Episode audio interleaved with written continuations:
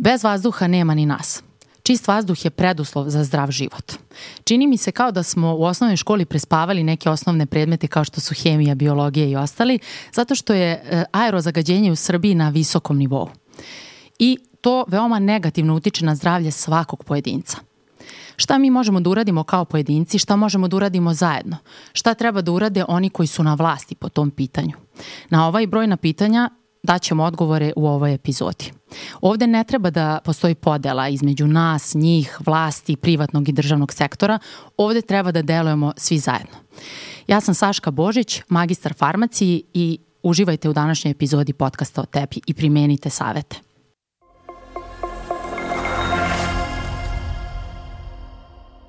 Danas su sa mnom u studiju članovi stručnog saveta Nacionalne ekološke asocijacije Elizabet Paunović. Ona je, um, ona je završila specializaciju medicine rada, saobraćene i sportske medicine u Sloveniji.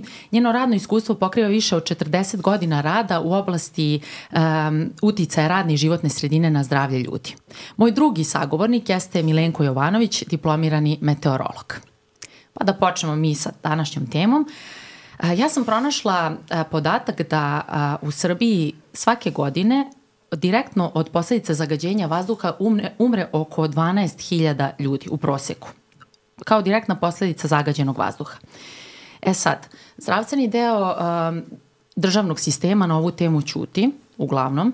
Jako malo se zna i um, zdravstveni stručnjaci jako malo znaju, a takođe opšta populacija zna još manje. Tako da danas smo tu da odgovorimo na, da pričamo o aerozagađenju i pokušamo da odgovorimo na brojna pitanja. A pre nego što krenemo, ja bih citirala Hermana Hesea koji jako, ima jedan jako lep citat koji govori o tome koliko je svaki život važan jer čini mi se da 12.000 uopšte nije mali broj. Ali da samo citiram ovo, ovo Hermana. Ali svaki čovek nije samo on sam nego je i neponovljiva, sasvim posebna, u svakom slučaju važna i znamenita tačka u kojoj se ukrštaju svetske pojave. Samo jedan put tako i nikad više. Zato je povest svakog čoveka važna, večna, božanska, zato je svaki čovek, dokle god samo živi i izvršava prirodnu volju, čudesan i dostojan svake pažnje. Ja se slažem sa njim i vreme je da radimo na toj prevenciji i da vidimo koliko mi kao pojedinci možemo da utičemo na aerozagađenje. I zato bih krenula sa tim, uh, sa onim brojem koji sam pomenula. Da li mi možete odgovoriti koji je procenat, uh, koji su to brojke, od, koje su brojke kod nas u državi i u svetu, uh, koliki je utica aerozagađenja na smrtnost da, čovečanstva? Prvo bih prokomentarisala u stvari e, javnozdravstvene aspekte koje su potpuno u skladu sa e, ovom divnom mišlju Hermana Kesea, manje poetični, ali faktički osnovni princip je da svaka prevremena smrt koja se može sprečiti bi trebalo da se spreči. Upravo zato što je svaki čovek neponovljiv i smanjenjem zagađenja vazduha može se sprečiti i mnogo bolesti, pa sledstveno tome i mnogo smrti, to je i osnovni pristup u, u javnom zdravlju, a što se tiče cifri o broju prevremeno umrlih, one se dobijaju na osnovu procena epidemioloških metoda, procena rizika, na osnovu javno dostupnih zvaničnih podataka monitoringa kvaliteta vazduha i zdravstvene statistike. Ova cifra od nekih 12.700 prevremenih e, smrti prouzrokovanih po nekoliko tipova e, zagađujućih materija koje se najčešće nalaze u vazduhu je i e, zvanična cifra, procenjena cifra vlade Republike Srbije iz dokumenta programa, usvojenog programa kvaliteta vazduha decembra 2022. godine otprilike su tu i vrednosti Health Effects instituta za zdravstvene efekte iz Bostona i studije opterećenja bolestima. Međutim, nešto noviji podaci, ovo su podaci stari 3-4 godine, a nešto noviji podaci e, koje je ovaj, ove jeseni sada objavila Evropska agencija za zaštitu životne sredine govore o boga mi, cifri preko 17.000 prevremenih smrti na osnovu zvaničnih podataka ovaj, i zdravstvene statistike i monitoringa kvaliteta vazduha. Je sad, Da bismo to stavili u neki kontekst, e, rekli ste da li je malo ili mnogo. Svaka smrt koja se može sprečiti, a ne spreči se je mnogo. Ne samo po onome što je Herman Hesse rekao. To je i javnozdravstveni princip. Znači, preventiva i smanjiti na taj način i oboljevanja i smrtnost. No da vidimo gde smo tu mi kada se poredimo sa drugim zemljama. Pa kada posmatramo na 100.000 e, stanovnika i kada posmatramo standardizovano na starost populacije, naša populacija je dosta stara i najveći efekti jesu kod starije populacije, preko 80% je kod starijih od 65 godina, onda vidimo da smo skoro, da je ta naša stopa na 100.000, standardizovana stopa e, smrtnosti prouzrokovana zagađenim vazduhom na 100.000 stanovnika e, skoro duplo viša nego što je svetski prosek i više od četiri puta viša nego što je prosek razvijenih zapadnoevropskih zemalja.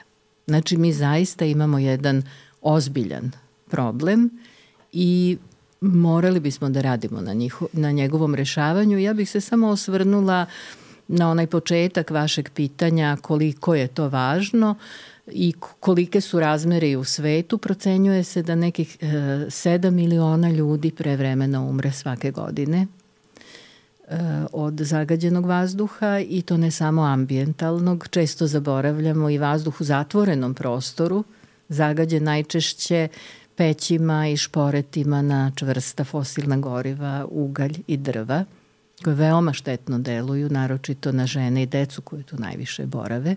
Znači sve ukupno to je uz ambientalno zagađenje oko 7 miliona smrti i procena je za Evropu da je polovina svih bolesti izazvanih uticajima iz životne sredine izazvana zagađenim vazduhom. Znači to je jedan uh, značajan uticaj iz životne sredine koji ne možemo da zanemarimo i koji treba da nam bude prioritet kada se bavimo uticajima iz životne sredine. Zaista imamo jedan ogroman problem na kome treba svi zajedno da radimo i mi kao pojedinci, međutim i uh, regulatorna tela takođe. Uh, Iz ove priče sam zaključila da nam aerozagađenje i tekako skraćuje i životni vek. U nekim državama manje, nekad više. Ok, imamo i problem na globalnom nivou, ali ovde kod nas je na nezavidnom nivou. Um, ja bih dodala još samo da smo svi mi u sedmom razredu osnovne škole učili šta je vazduh, šta predstavlja vazduh. I to je tako delovalo jednostavno. Da je vazduh smeša gasova, od toga je najveći procenat azot, kiseonik, to ćete mi vi malo, podsjetit ćete na svi malo bolje, šta, je, šta predstavlja, šta bi trebalo da predstavlja vazduh, a koje su to čestice koje se nalaze u vazduhu, koje ne bi trebalo da se nalaze.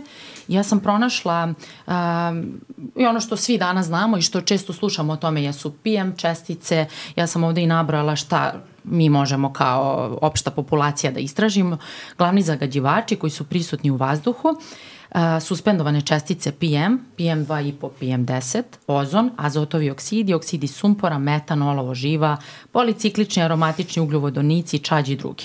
E sad, od čega zavisi kvalitet vazduha? I kakvi su to sve mogući utice. Ja sam sad postavila verovatno 10 pitanja, izvinjavam se. pa, možda i malo više.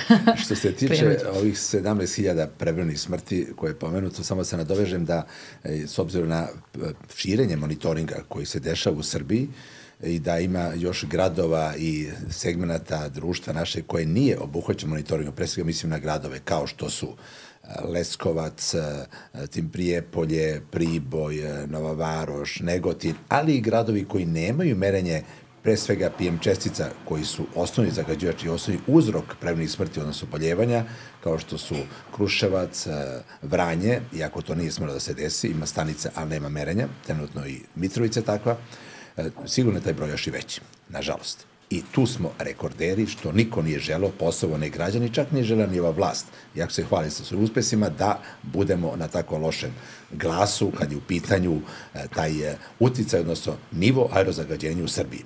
Izvori su vrlo jasni i e, jednostavno u atmosferi, osim prirodnih sastava o kojim ste govorili, što još deca znaju, nalazi se sve to što produkuje pre svega čovjek. Antropogena aktivnost je, to je privreda, to, to prosto tu nema više u razvoju e, planete Zemlje, odnosno društva, nemoguće da toga nema. Ima i prirodnih uticaja kao što su vulkani, peščare, ne znam, pustinje, ali definitivno mi smo od toga poštećeni, sem nekoliko dana u godini kad dobijemo iz juga transport saharskog peska i povećanje PM10 čestica, ali to je vrlo kratkotreno i to ne predstavlja ozbiljnu opasnost po zdravlje, zato što njima nije dokazano prisutno nikakvog dodatnog opasnog sastojka, da ne kažem jedinjenja ili elementa, kao što se pomenuli pahove, teške metale, jednostavno to je prirodan, sad vratno kvarci uglavnom u pitanju i to je, to je nešto što se ne može sprečiti sprečiti. Sve od drugo se mora i da se da sprečiti i odnosno smanjiti, jer upravo toga zavisi ta odgovornost prema svakom ljudskom životu, a posebno prema zdravlju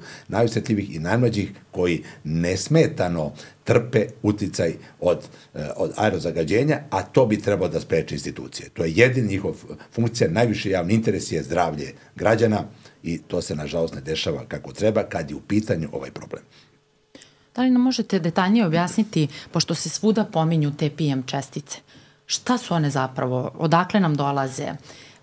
te čestice zagađenja. Da, o, jednostavno to su čestice koje se nalaze u vazduhu produkcijom pre svega ljudske aktivnosti, znači iz industrije, kod nas je to našto iz ložišta, iz saobraćaja, iz poljoprivrede e, i to jednostavno, e, ceo sve deli taj isti e, problem, a to je šta su izvori, ali količina izvora, odnosno koji je broj izlazi čestica iz izvora i da li se to može spreči, da li je to filtrima, da li je to smanjenjem energenta, promjena energenta, to je ono što je kod nas problem, jer sve ovo se dešava u svakoj drugoj zemlji, ali ne u tome da imamo takav e, da jedan e, termoenergetski sektor, odnosno tent, zagađuje toliko da je to rekordno, verovatno u Evropi. Znate li da na Balkanu 16 termoelektrana, koji naravno uglavnom imaju ugalj, koji nažalost nije vrhunskog kvaliteta, iako je kod nas najgori, zagađuje više nego 250 e, termoelektrana širom Evrope koji imaju inače 20 puta veći kapacitet. Znači, 16 naših gore od 250. To govori kakve energent, odnosno kakavi odnos onoga što je država odgovorna, odnosno ona je vlasnik. Ne govorimo o privatnom sektoru, o neodgovornom pojedincu ili nekoj kompaniji. Mi govorimo o državi koja upravlja tentom, upravlja e, na termoelektranama i dozvolja se to dešava što se dešava. Da, ali kada se pominje aerozagađenje i sad ovako mi po društvenim mrežama kad pričamo o tome, uglavnom onda ljudi prokomentarišu pa prestanite da vozite kola pa ćete smanjiti um, zagađenje ili prestanite da koristite to i to za grejanje pa ćete smanjiti zagađenje, ali u stvari ok, doći ćemo i do tog dela, ali najveći deo jeste od tih termoelektrana koliko sam shvatila sad. Da, pojedinačni izvor je najveći tent Mm -hmm. Ali na kvalitet vazduha u Srbiji, na ovako loš kvalitet vazduha, najviše utiču lokalna ložišta, mm -hmm. s kojih ima oko milion u Srbiji, nažalost još ovaj to tačan broj spekuliše se u Beogradu oko 300.000. Jer moramo biti svesni da u Vranju, ne znam, Leskovcu i Pazaru sigurno tent nema dominantan ucen, niti može da ima zbog udaljenosti, zbog strujenja i tako da. Ima i drugih faktora koji nas utiču, o tom možemo kasnije, uh mhm. -huh. ali on, izvori su poznati. Uh mhm. -huh. Prema analizama zvaničnim metodologiji, e, što se tiče izvora PM čestica, pre svega PM2,5 kao najopasnijeg, E, zagađivača, odnosno zagađujuće materije u vazduhu, e, do, doprinos oko, se, do, oko 70% otpada upravo na ložišta i na manje energane, odnosno toplane, do 50 MW. To je definicija i tako to se jednostavno izračunava i to nije problem. Sledeći uticaj je industrije, koje, ka, koji kako imamo, to sad ne vredi o tome mnogo ni pričati, ali sigurno da su Bor i Smederovo eklatantni primeri negativne ulice industrije, odnosno nesprečavanja države da, da industrija neometano zagađuje, odnosno ne poštuje zakone zemlje u koje radi, koji su propisani i koji treba da važe za sve. I naravno saobaćaj kod nas je e, na trećem mestu, koji je možda 6-7% u proseku, ali u Beogradu e, i u većim gradovima sigurno tokom zime on ide i do 15-20%, što znači da i to na to treba delati. Poljoprivreda koja je u Evropi na drugom mestu, kod nas nije, nego na četvrtom, petom, jednostavno mi smo ako sme da kažem, malo u tom delu zaostali, obzirom na su drugi dominantni izvori aerozagađenja. Uh mhm. -huh. Sada možemo da se dotaknemo teme kako kakav je kvalitet vazduha u Srbiji, ok, sad smo napravili jedan ozbiljan uvod, um, i kako možemo, kako mi da znamo da je, kada je i zašto je zagađen vazduh, gde možemo da pronađemo informacije o tome, mi kao a, opšta populacija gde možemo da pronađemo i ono što ja znam, što je kao meni još kao malo i smetalo, to sam tek kad sam odrasla shvatila kako mi uopšte ne možemo lepo da vidimo zvezde i sazvežđe i to je manje sad bitno iz tog estetskog momenta da gledamo u nebo i zvezde, međutim da li je magla uopšte magla ili je to smog i sva ta neka pitanja su došla tek kada sam odrasla i kad sam počela da se bavim ovom temom. Pa što se tiče razlike magle i smoga, e, ne treba prosto mnogo e, građani da o tome se opterećuju, ne treba ni da razmišljamo o tome da se e, zagađenje vazduha vidi, mm -hmm. osjeća, ne znam, meri našim čulima. Zato postoje uređaji, odnosno analizatori koji besprekorno uz pravilno održavanje nama pokazuju, odnosno pokazuju svima koji žele da vide, a pre svega institucijama, čiji je posao da se time bave, kako je vazduh. Zvanični izveštaji se rade jednogodišnje, čak i češće, ali ono što imamo svakog dana na svim mogućim portalima, na svim mogućim aplikacijama, podaci e, su, nalaze o, e, na satnom nivou, updateu se o koncentracijama zagađujućih materija. Standardan set parametara koji se prati su, kao što ste rekli, to su PM čestice, PM10 i PM2,5, naravno postoji PM1 koji će vjerojatno dana biti takođe aktualan, zatim sumporni oksidi, supor dioksid, azotni oksid, azot dioksid, prizemni ozon isključivo leti, čak i ugljen monoksid u to je ušao i e, naravno da se da treba pratiti i sadržaj tih teških metali i tih pahova u PM česticama. Jednostavno, ne samo svojom koncentracijom su opasni po zdravlje, nego i tim što mogu da nose. A to će dobiti, ta, bit će obogaćeni sa industrijom koja će emitovati recimo živu ili u vazduh ili amonija i zajedno će pokupiti sve to i dodatno opteretiti zdravlje građana. To je ono što je nesporno, znači građani treba da znaju samo vizuelno, eh, odnosno da jednostavno znaju da li je vazduh prekono zagađen, ali to je ponovo, ponavljam, isključivo domen institucije. Da skrenu pažnju, da znaju. Ne treba građani da budu edukovani za sve oblasti svoga života, niti da znaju kako se operišu krenici čak, a kamoli ovako nešto. Jednostavno, samo o njima uskraćene informacije, odnosno uskraćene su eh, informacije u periodima opasnog e, vazduha, odnosno opasnog visokog nivoa zagađenja, kada institucije ćute, kada mediji ćute, osim pojedinih, moram da kažem, oni što zovemo slobodni mediji, a istovremeno se hvalimo sa uspesima na svim poljima, sem u broju prebranih smrti o kome da, smo govorili, što je najtužnije, ali da. je činjenica. Mislite da jedan lekar u hitnoj pomoći odbije jednog pacijenta u urgentnom stanju da primi verovatno bi zaglavio, što bi rekli, deca zatvor. Da. A ovde se može smanjiti za više hiljada ljud, spasne života godišnje, zar je moguće da to nije prioritetna obaveza bilo koga, bilo koje partije, bilo koje veroispovesti ili ne znam, rodne e, različitosti koje je na vlasti. Da, a kada ste malo pre rekli, ok, to je, uh, institucije su važne da nas obaveste, uh, institucije su odgovorne da nas obaveste kada je opasno, gde možemo da pratimo te informacije?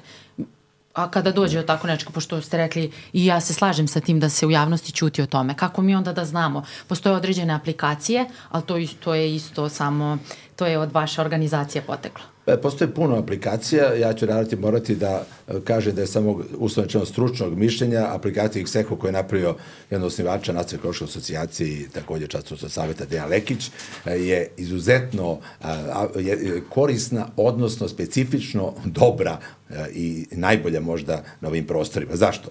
Ne samo da prikazuje koncentracije polutanta o kojima govorimo iz državnog monitoringa, znači to vodi agencije ili lokalne samuprave, nego takođe i koncentracije iz takozvanog građanskog monitoringa, odnosno sa, senzor, sa senzora koji nisu e, zvanično e, dovoljni da e, zvanično dokažu kako je gledate vazduh, ali kao dopunska merenja jednostavno vrlo su korisni u sve to prema kriterijima koje je Evropa definisala. Da bi se upoređivali, nemojte da merite moju visinu u inčima, vašu, ne znam, onim palčima nekada, neku metrima. Znači, bukvalno to upoređivanje govori svima kako je, ali ono što je važno da građani vidi prema boji u koji se ta koncentracija u Novom Satu, da kažemo, upala u taj, u taj klasu, on će videti da li je crvena, da li je zelena i prema tome planirati svoju aktivnost, pre svega osetljivih kategorija, napolju naravno aplikacija se zove Xeco. Xeco vazduh se zove. Xeco vazduh i ne znam da li se može, ski, da li svi mogu da skinu. Besplatna da li, je na Google Playu. Na Google Playu, da, pošto ljudi koji imaju iPhone-e i to, ja ne znam da, da li mogu da skinu, ali verovatno radite na tome, pošto sam ja tražila i nisam uspela da nađem preko ovog našeg stora. Možete preko web sajta pristupiti. Super, eto. To, to ja radim odgovor. redovno. Da, okej. Okay. Da li treba poboljšati ili menjati sadašnji monitoring kvaliteta vazduha? Pa, e, šta reći, monitoring je vrlo korektan od 2010. godine donacijom e, Evropske agencije za rekonstrukciju. Slučaj sam tada učestvo u toj e, raspodeli, odnosno instala, instaliranju 28 automatskih stanici, jedna mobilna stanica na posljednjih deseta koliko je bilo širom Srbije, tako da je to već respektabilan broj. Naravno da je se pokazalo da je potrebno i to povećati i umeđu vremenu su je Novi Pazar i Vrše dobili nove stanice, ali vrlo je važno reći da je Leskovac, grad, možda šesti grad po veličini, mislim, ili peti u Srbiji, bukvalno svojom namernom neaktivnošću gradske uprave odbio e, stanicu koja posle mora da ode hitno u Vršac, tamo što kaže da ne bi bila negde stajala bez veze. Zašto? Da li oni smatraju da im to nije potrebno? Da li su imali neke druge informacije? Oni čak nemaju ni obavezujući lokalni monitoring. Odnosno, oni organizuju merenja na zvaničnim metodologijama, akredituju metodama koje mogu da rade uslužno gradski zavodi ili neke privatne kompanije koje su dobili akreditaciju od ministarstva. Jednostavno, oni ne znaju kakav je vazduh. A to se kod nas e, tumači sa tim da je dobar. Ako ne merimo temperaturu, mi nemamo temperaturu, bez obzira da li ima 40 ne. To je ono što se dešava, to su propusti državnih institucija, narode je lokalna uprava je deo državnog aparata, deložira Republike, deložira lokalna uprava svoje nadzornosti neke i bez posledica, to je vrlo bitno. Mi imamo tamo neke e, efekte, odnosno, ja mislim, e, kanarinci koji najviše pevaju, imamo najviše bašte, ali ne znamo koliko je ugroženo građana i dece u Leskovcu sa sigurno prekomnim zagađenjem vazduha s obzirom na izvore, to znači nemaju gas, ga, nije gasificiran grad, na, nalazi se u Kotini u dolini, oni nemaju košavu, niti mogu sanju, kao što nema, ne znam, ni Valjevo, ni Novi Pazar, tako da mi za sada to, to gledamo kao svetlu tačku u Srbiji umesto crnu. Da, i to što nešto ne znamo ne mora da znači da je dobro, na, da je naprotiv, naprotiv, naprotiv da. Pre, pretpostavlja da je loši, po, povećava se broj monitoringa stvarno, jedna nova, e, nova donacija Evropske unije, treba bi ove godine, a kasnimo malo godine, dve dana, što je uobičajeno za one koji isključivo nisu tome dorasli, stručno i organizacijono, da kažem, ni možda ni, a pre svega partijski, da, da treba je 17 stanica novi da dobije Srbija, slučajno sam učestvovao u definisanju toga, isto je bilo prihvaćeno potpuno za, završnom e, IPA projekat 2020. godine i 28 uzorkivača PM čestica i to bi pokrilo celu Srbiju u baš dovoljnom broju. Sada je to iz nekog razloga spalo na 8 umesto 17 i na 21 umesto 28 uzorkivača. Zašto? Ne znam. Evropa on, zašto je opredelila novac, sigurno ne bi odustala, da li neaktivnost e, institucije ili ja stvarno ne znam o čemu se radi, ali dobit ćemo manje nego što je potrebno uz istovremeno rasipanje novca u našem lepom Beogradu koji je dao 4 miliona evra za novih 20 automatskih stanica potpuno nepotrebno. Jedna jedina je bila neophodna, to je Mladenovac kao dislociran od centralnog e, grada, što je opet treba dođe ovim projektom i Zašto se to nalazi, zašto će nam na svakom kvartu ili čošku, što bi rekli, merenja niko ne zna, sem da se potroši novac, a u pozadini najvjerojatnije neka vrsta interesa ličnog i o tome ne vedi pričati, ali je tako kako je. Beograd ima 35-6 stanica automatski, cela Srbija nema toliko. Da. Je stvarno Beogradu to treba? Pa ne treba, zato što je dijagnoza postavljena. Ne treba 50 toplomer kad ima temperaturu da biste potvrdili da ima temperaturu. Apsolutno jasno. Um, Da koje izveštaje institucije izrađuju na osnovu rezultata monitoringa i čemu služe? Da li nama služe kao uh, građanima i gde ih možemo pronaći? Uf, zašto se uopšte vrše ovaj, analiza, odnosno izveštaj? Monitoring je početak procesa upravljanja kvalitetom vazduha. Na osnovu rezultata monitoringa i analiza naravno njegovi, dolazi se do toga da je potrebno raditi izveštaj, odnosno klasificirati vazduh u kategorije prema, naravno, zvanično zakonu o zaštiti vazduha. Postoje tri kategorije, ali odmah dođemo do toga, ne postoje tri, postoje dve. Je već tri godine, ne postoji druga kategorija, iako se pominju u izveštajima. Zašto? Zato što e, resorno ministarstvo, koje je zaduženo za zakonodavnu aktivnost, nije našo za shodno, neću kažem da nije sposobno, da izmeni zakon u onim osnovnim e, nedostacima koje je pokazao posle 11. godine kada je usvojen.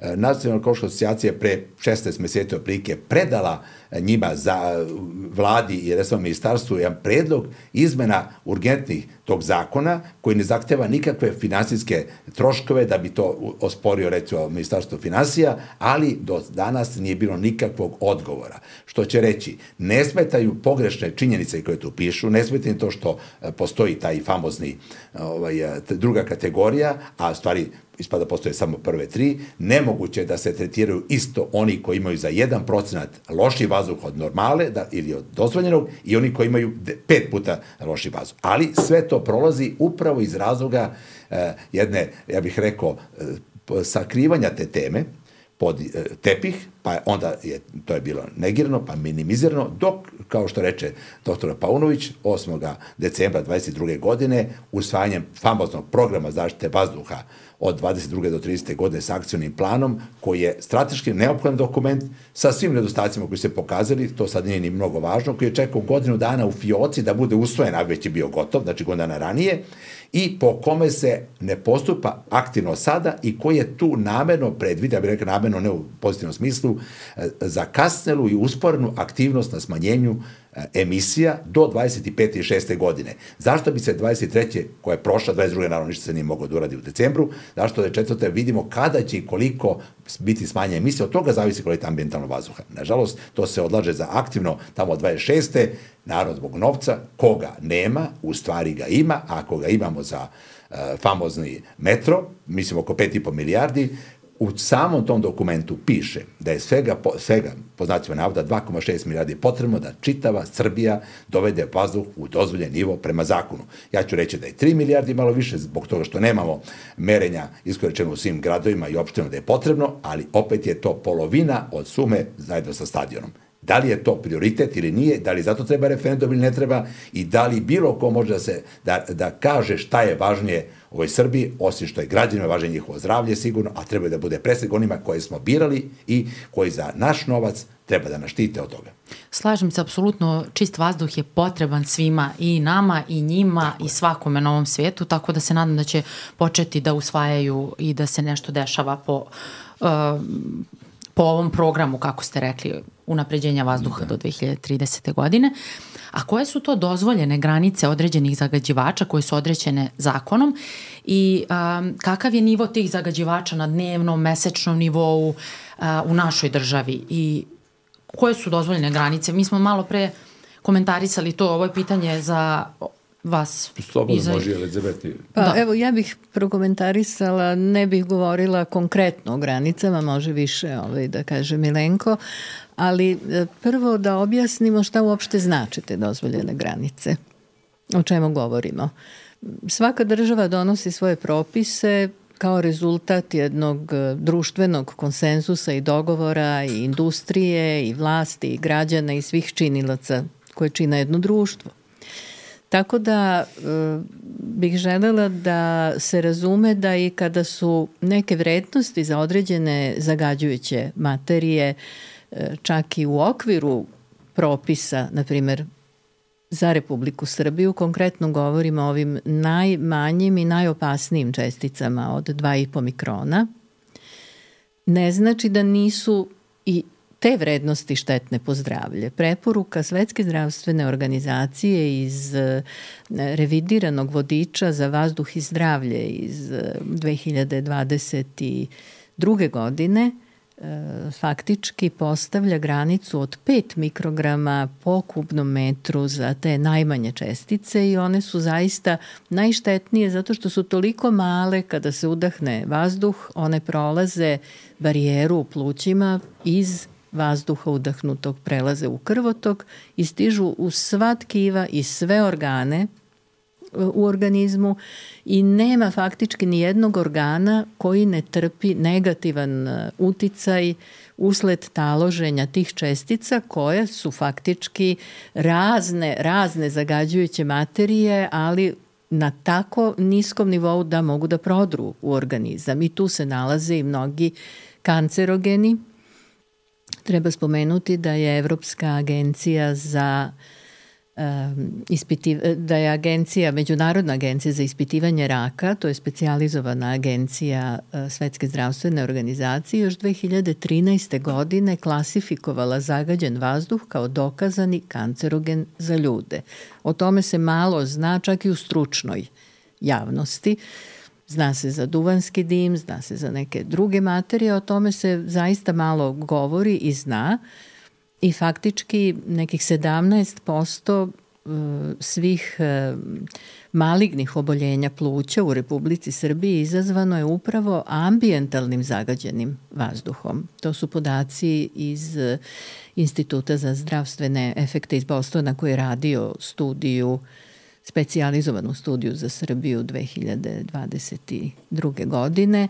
Na prvom mestu su bolesti srca i krvnih sudova i o tome se malo zna. E, to je na drugom mestu. Na prvom mestu je ono što najčešće naj e, opšta javnost i stručna javnost znaju, a to je hronična obstruktivna bolest pluća, pa onda diabetes, bolesti srca krvnih sudova, bolesti e, koje su prouzrokovane poremećajem cirkulacije mozga, znači ono što se zove šlog. I ono što naročito posle toga zabrinjava, znači rak pluća i ono što naročito zabrinjava to su e, oboljenja e, kod dece donjih respiratornih puteva, prouzrokovana vrlo često vazduhom u zatvorenom prostoru i 9% svih neonatalnih smrti, znači smrti od rođenja novorođenčeta do kraja prvog meseca života, usled izloženosti bilo majke, trudnice, bilo novorođenčeta kada dođe na svet, znači 9% neonatalnih smrti je prouzrokovano zagađenim vazduhom. I to su zabrinjavajući podaci koje uh, bismo morali da imamo u vidu. Znači, kada kažemo da li se neka zagađujuća materija na prvom mestu, naročito u Srbiji, zaista najnegativniji utice imaju te najmanje čestice, znači govorimo ono kada gledamo na tim e, aplikacijama ili na web sajtu, ono što je označeno PM2,5, to su čestice prečnika 2,5 mikrona. Uh, one zaista e, imaju izuzetno štetan uticaj i u vrlo malim koncentracijama. Čak najnoviji podaci e, iz naučne literature ukazuju na to i da nema sigurne granice, što je i logično kao i kod svih kancerogena u suštini. Vi nemate ni jednu donju sigurnu granicu. Mi imamo dogovor šta je moguće postići i čemu treba da se teži, ali kada govorimo čisto u medicinskom smislu treba da bude jasno da i na nižim koncentracijama naročito osetljivi delovi populacija, to su deca, stariji, oboleli već od bolesti srca i krvnih sudova, ili ovaj, od bolesti kao što su poremeća i moždane cirkulacije, trpe zaista te e, negativne uticaje i na nižim koncentracijama. I onda, evo samo još ovo da kažem, pa Milenko može da nastavi. E, kada kažemo i mislim da se ne varam Milenko da je neki prosek srednji godišnji nivo u Srbiji 28, 29, 30 mikrograma po kubnom metru. Ima i gradova gde je mnogo viši, ali to je jedan prosek za Srbiju. A Svetska zdravstvena organizacija kaže da bi trebalo, ne bi trebalo da bude više od 5 mikrograma kada se posmatraju zdravstveni efekti, možemo onda razumeti zašto su ovi podaci, kada smo govorili o stopama smrtnosti, e, tako dramatični za Republiku Srbiju. Znači, mi imamo jedan zaista, zaista ozbiljan problem i samo još da se nadovežem na to, pričali smo o monitoringu kvaliteta vazduha. Uh, bitno je uspostaviti dobar monitoring, da budu obuhvaćeni svi gradovi, da je što veća populacija obuhvaćena, da znamo vrednosti kojima su, je izložen što veći broj ljudi. Potrebno je da monitoring bude kontinuiran, znači da stalno radi, da bi te procene mogle da se što kvalitetnije i što bolje urade. Ali sledeći korak koji se kod nas ne radi, to ste spomenuli u početku, je procena zdravstvenog rizika. Mi imamo ove procene za nivo Republike Srbije. Postoji jedna publikacija koju su radili stručnjaci iz našeg instituta za javno zdravlje, Nacionalnog instituta Batut i Svetske zdravstvene organizacije, ali koja obrađuje podatke od 2010. do 2015. po opštinama kakvo je stanje. Naš zakon o javnom zdravlju i strategija javnog zdravlja koja ide u zakon zahtevaju da instituti i zavodi za javno zdravlje rade procenu rizika od svih štetnosti životne sredine pa i od zagađenog vazduha i da je jednom godišnje dostavljaju lokalnim samoupravama ili Nacionalnom savetu za javno zdravlje ako je više opština u pitanju koje trpe zagađenje to još nije profunkcionisalo i onda je veoma teško da donosioci odluka i na lokalnom nivou i na državnom nivou razumeju u stvari o čemu mi evo sada govorimo i šta u stvari sve to znači. Kada bi znali i imali jasnu procenu rizika, bilo bi mnogo lakše i da se primene mere uh, da se prioritizacija napravi. Govorili smo o izvorima zagađenja. Znači, gde je prioritet, e, gde smanjiti zagađenja na mestu nastanka, jer to je prva i osnovna e, mera. Zato, znači, posle monitoringa ide procena zdravstvenog rizika i na osnovu toga bi trebalo onda praviti lokalne planove za kvalitet vazduha na lokalnom nivou. Ako sam vas dobro razumela, uh, procena rizika je sada već zastarela jer je poslednja rađena to 2015. godine. Ili... Imamo novije procene rizika, ali imamo za celu Srbiju. Evo ja sam spomenula uh, podatke Evropske agencije za mhm. zaštitu životne sredine koji se odnose na novi period od pre dve, tri uh mhm. -huh. godine. Ali nemamo procene rizika na lokalnom uh mhm. -huh. nivou. E, ta je rađena na osnovu starog monitoringa, nepotpunog monitoringa, tek je tad uspostavljena uspostavljan monitoring u Republici uh mhm. -huh. Srbiji. Znači, to što imamo podatke na nivou opština, zaista bi bilo neophodno da instituti i zavodi osvoje metodologiju, postoji besplatan softver Svetske zdravstvene organizacije, zove se Air Quality Plus tool, dostupan je na sajtu i u njega se unose zvanični podaci za to područje. Milenko je spomenuo lokalne mreže, mi imamo niz podataka koji mogu da se iz ovog državnog monitoringa i po zagađujućim materijama često iz lokalnih mreža i ciljano po vrstama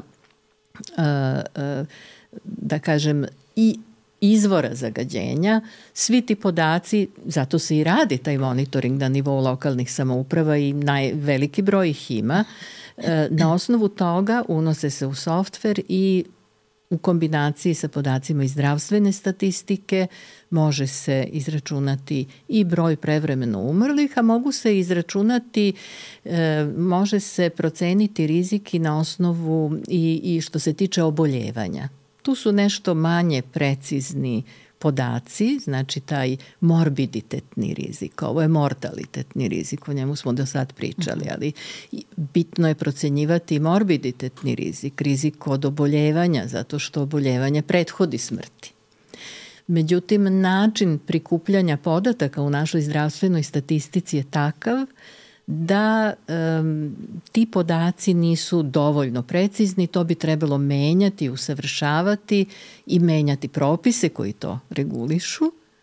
Međutim, kako se te procene i ne rade, onda o ovih problema nisu ni, ni svesni oni koji bi trebalo da se bave procenama rizika. Ovaj.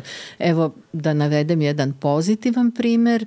Postoji jedan institut koji radi te procene, to je Institut za javno zdravlje Vojvodine. Institut za javno zdravlje Vojvodine radi procene rizika od zagađenog vazduha i imaju i niz publikovanih naučnih referenci u stručnoj literaturi uh, koji se odnosi na to što, što oni rade, ali to bi trebalo da postane praksa, ne jedan pozitivan primer, nego praksa, imamo 26 instituta mm. i Zavoda za javno zdravlje. Nadamo se da će oni da se ugledaju da. na ovaj dobar primer. Da. Možemo sada da se vratimo na a, granice ovih Pod uticajem ovoga teške informacije, morbidne za e, običnog čoveka, a tih 9% neonatalnih smrti koje otpada, poznatio navodan, otpada na aerozagađenje, pitam se da li bi to trebalo da bude jedna reklama. Ovo nije za našu decu da nam se to da. dešava. Da. da bi to podiglo svest onima koji nemaju, ne mislim samo na građane, naravno, nego upravo oni koji imaju e, posao da upravljaju zdravljem građana, odnosno i kvaliteta vazduha. Se vratimo na granične vrednosti, one su usklađene sa evropskim, manje više i svetski, to nije sporno. Ali, e, postoje taj PM, famozni PM2,5 koje pominjemo, koji nemaju ni satnu ni dnevnu vrednost, ali imaju preporuku da je 15 mikrograma po kubnom metru kao srednja dnevna vrednost nešto čemu treba težiti. Šta da govorimo kada je e, Novi Pazar pre jedno 15 dana imao 242 mikrograma po kubnom metru u jednom danu.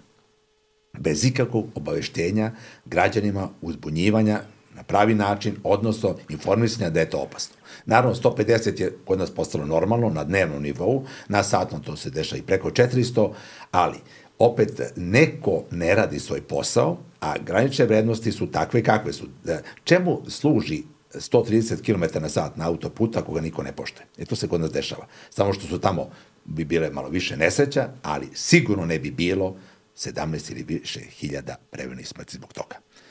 O važnosti samo govorim. Ajde se malo vratimo još na, znači te granične vrednosti se, se ne poštuju, a, a postoje. Šta, čemu služi, kad smo rekli monitoring, se završava, izveštaj se radi, najčešće e, termin kada je završen izveštaj za prethodnu godinu negde je novembar mesec. Najranije to je oktobar. To je prekasno za delovanje onih kojima zakon nalaže da deluju jedino, oni mogu da deluju, to su lokalne samouprave. Zašto je to zakon predvidio o zaštiti vazduha, to možemo da pričamo, ali su lokalne samouprave nemoćne, nejake, nemaju stručnog kapaciteta, niti finansijskog, da sprovedu mere koje je neophodno i da su donete planove. E, mora da kažem da je Nacionalna ekološka asocijacija već treću godinu za redom 1. januara, što nikad niko nije uradio, niti, niti je realno i potrebno, sem radi skretanja pažnje, e, davo e, i ove godine e, prestek stanja, odnosno kvalitet vazduha u prethodnoj godini. Znači, pr, nije završen ni prvi dan ove godine, mi znamo kako je stanje kvaliteta vazduha. Na, istu, isključivo sa automatskom monitoringa. Postoje još e, taj manualni monitoring, takozvani, presvega PM čestica, koji ide sa zakašenjem da se radi u laboratoriji i on neće poboljšati ovu sliku. Ako mi imamo da, da je u 2023. godini osam gradova i nebrojeno mesta imalo prekoračenja kad je u pitanju e, koncentracije PM2,5, kada je oko, ja mislim da je 14 gradova imalo prekoračenja kad je u pitanju e, broj dana sa srednjom koncentracijom preko 50 PM10, to, i to je sve treća kategorija kvaliteta vazduha, šta reći, e, to nije nejasmislila. Nije to XECO aplikacija uz, ukrala podatke. To su podaci koje je obezbedila država. Činioci državni koji vod, upravljaju imaju to pola minuta ili minut pre nas, pre građana. Znači, zašto oni nisu reagovali? Zašto oni čekaju novembar? Zašto oni, kada je nesporno da je vazduh prekono zagađen 1. januara, zašto se čeka da se kategorija izvrši usvoji u vladi, recimo 15. novembra, kada su već usvojeni budžeti, kada se ne može, nema neki budžetski rezervi i niti se može u toj godini raditi ništa, znači čekamo sledeću godinu. Da li se zna da je, e, recimo, već u ovoj godini, e, normalno pričamo o 24. godini, mi imamo da je Novi Pazar do sada sa 27. znači 28. 24 dana imao prekoračenja PM10, srednja dnevna veza. Znači, samo tri dana nije Da, prvi mesec da, u godini. Da, Valjo 21, e, Kosovo 20, Šabac 20, Kraljevo 19. E, to znači da će do kraja februara veliki broj gradova već probiti takozvani godišnji limit od 35 situacija kada je prekoračenje e, PM10 srednjednevna. Znači, šta, zašto se čekao novembar da bi se reagovalo? Zašto, kad je to poznata informacija, da, zašto bi čekali da merite temperaturu 10 dana, a ne date aspirin nekome kada je već, sad se zna da ima 39, na primjer. Eto, to se nama dešava i to je postalo normalno. Znači, prvo kasni republički nivo, naravno, lokalne samouprave pričat ću opet, o, nažalost, to je politika, jer, e, politi, odnosno zaštu javno zdalje sprovode oni koji vladaju. To je, nažalost, politika. Kakva god da je, kako god da je se birali, oni to ne rade svoj posao kako treba i mi imamo, znači, zakasnelu reakciju koja se tiče, za godinu dana se čak kasni, sa reakcijom na ono što je urgentno.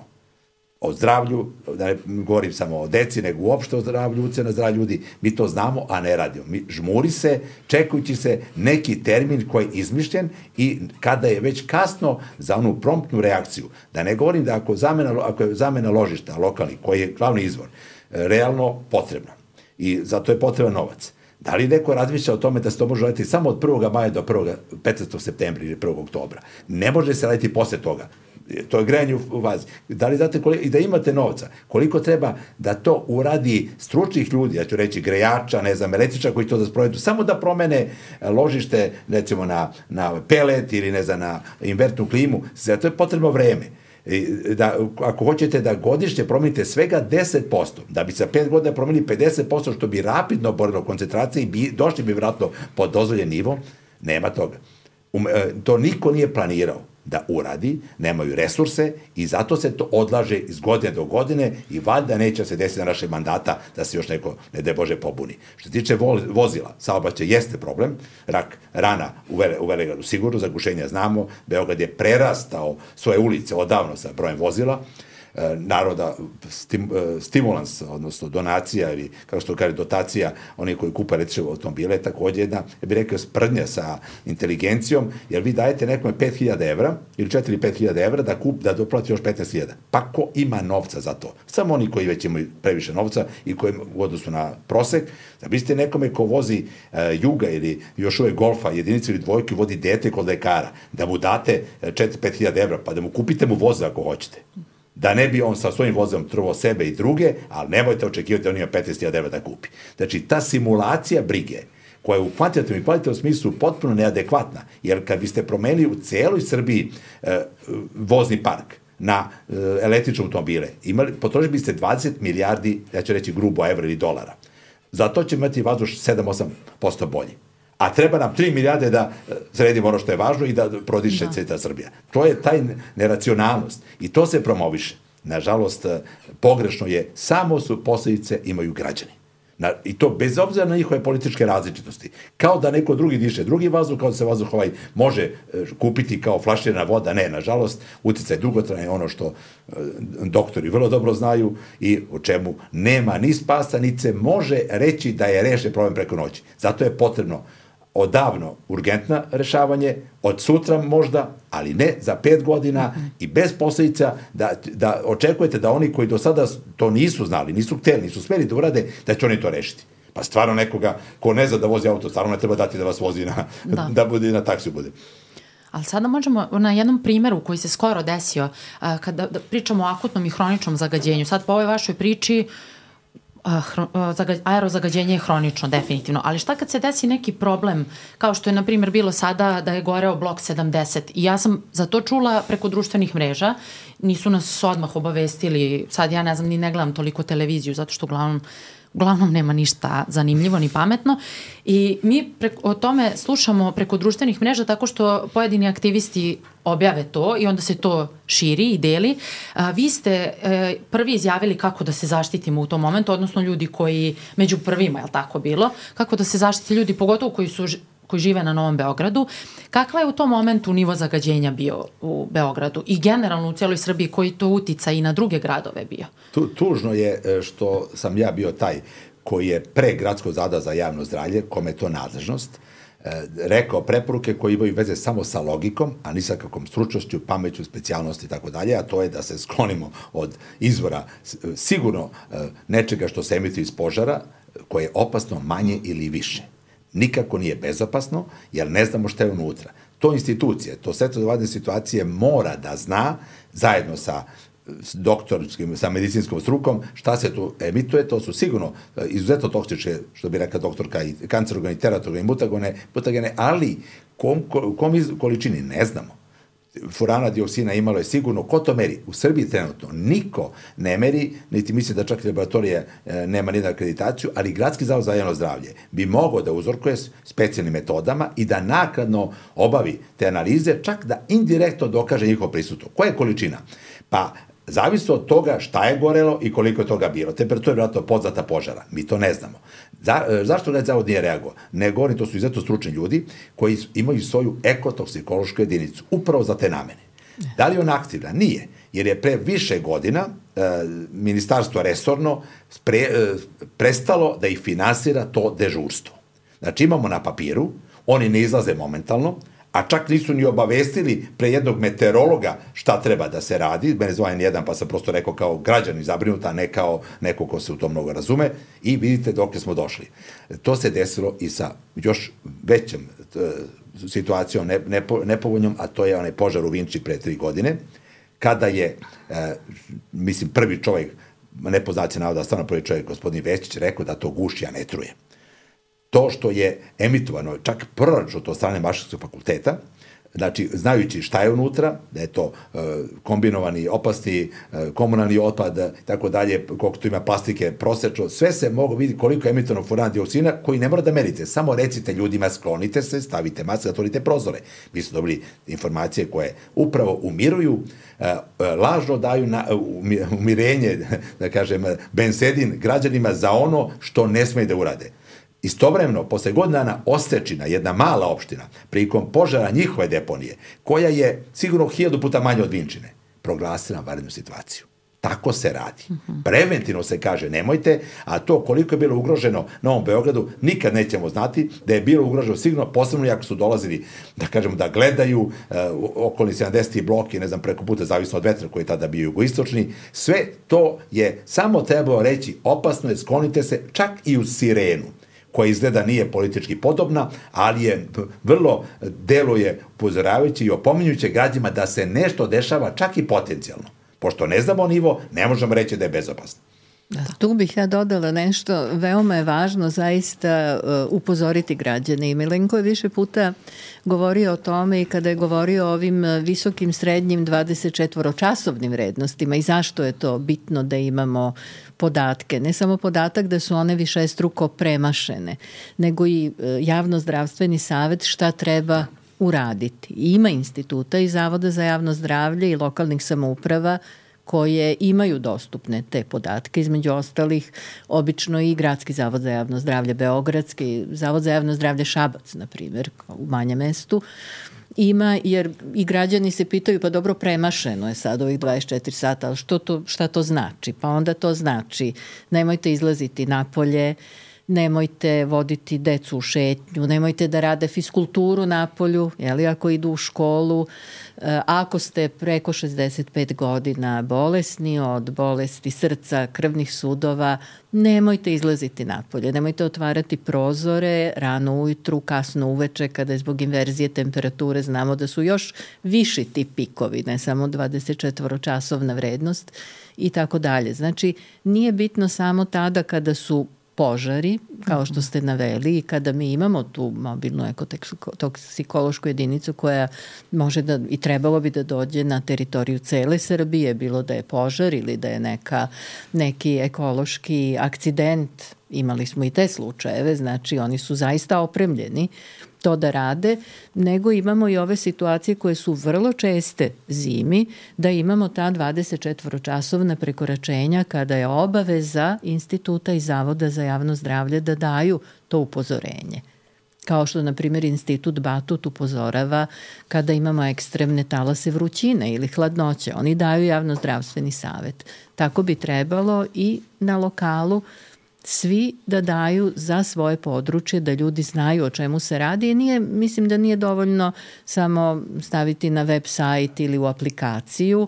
Rekli ste, mnogi ljudi ne prate televiziju, neki prate. Znači mhm. reći i na televiziji. Apsolutno, na nacionalnim frekvencijama. Tako je, na nacionalnim frekvencijama, na radiju, na svim mogućim medijima ne samo online, neko ko će da se uloguje na sajt Zavoda za javno zdravlje pa će da vidi.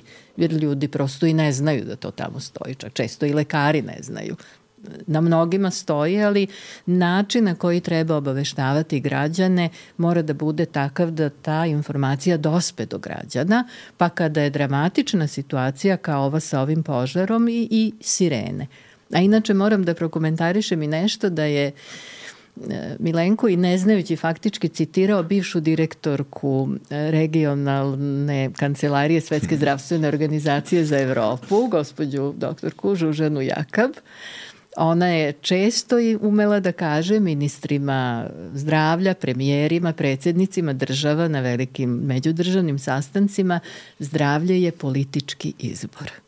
I to zaista jeste tako. Mislim, toga moramo da budemo mhm. svesni. Pored svih ovih činjenica, e, način na koji se e, javnozdravstveni aspekti, informacije, rizici uzimaju u obzir kod donošenja odluka, koliko su osnova za primenu one politike zdravlja u svim politikama koje je deklarativno ugrađeno i u naš zakon o javnom zdravlju, ali nije dovoljno da je ugrađeno u zakon o javnom zdravlju.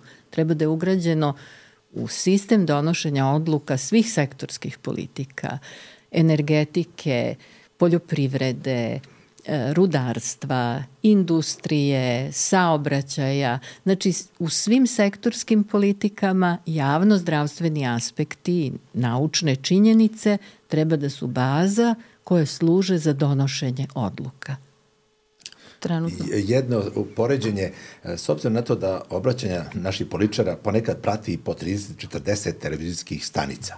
Šta je važnije? Objaviti upravo incidentne ovakve situacije sa potencijalnom opašćicu od zagađenja, ovoga redovnog, redovnog ogromnog zagađenja ili ovog požara, šta znači da se to može raditi da se hoće.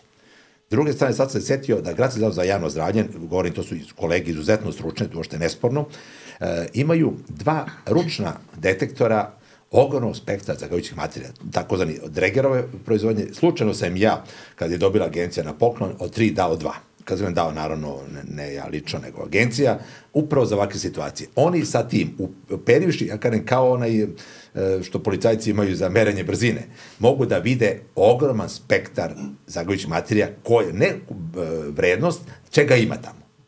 Da li je to korišćeno? Ne verujem. Da li radi? Ne znam. Da li da su obučeni, da li, da li imaju baterije, da to stvarno ne znam, ali to je, tvrdim, neiskorišćeno. Upravo za tu situaciju dolazi za 15 minuta, kad ima upoje i vidi čega ima. Znači, samo da kaže, eto, to je, jako pretpostavljamo čega ima, ali jede da vidimo. Znači, to su, tu se tako zakazalo sa tim situacija, to je tako se pokuša da opet amortizuje, da je to e, potpuno relativno, da li je opost ili nije, pa ime druge požar. Pa mi svi znamo da nas smeta jedan kontejner zaparanje u kraju.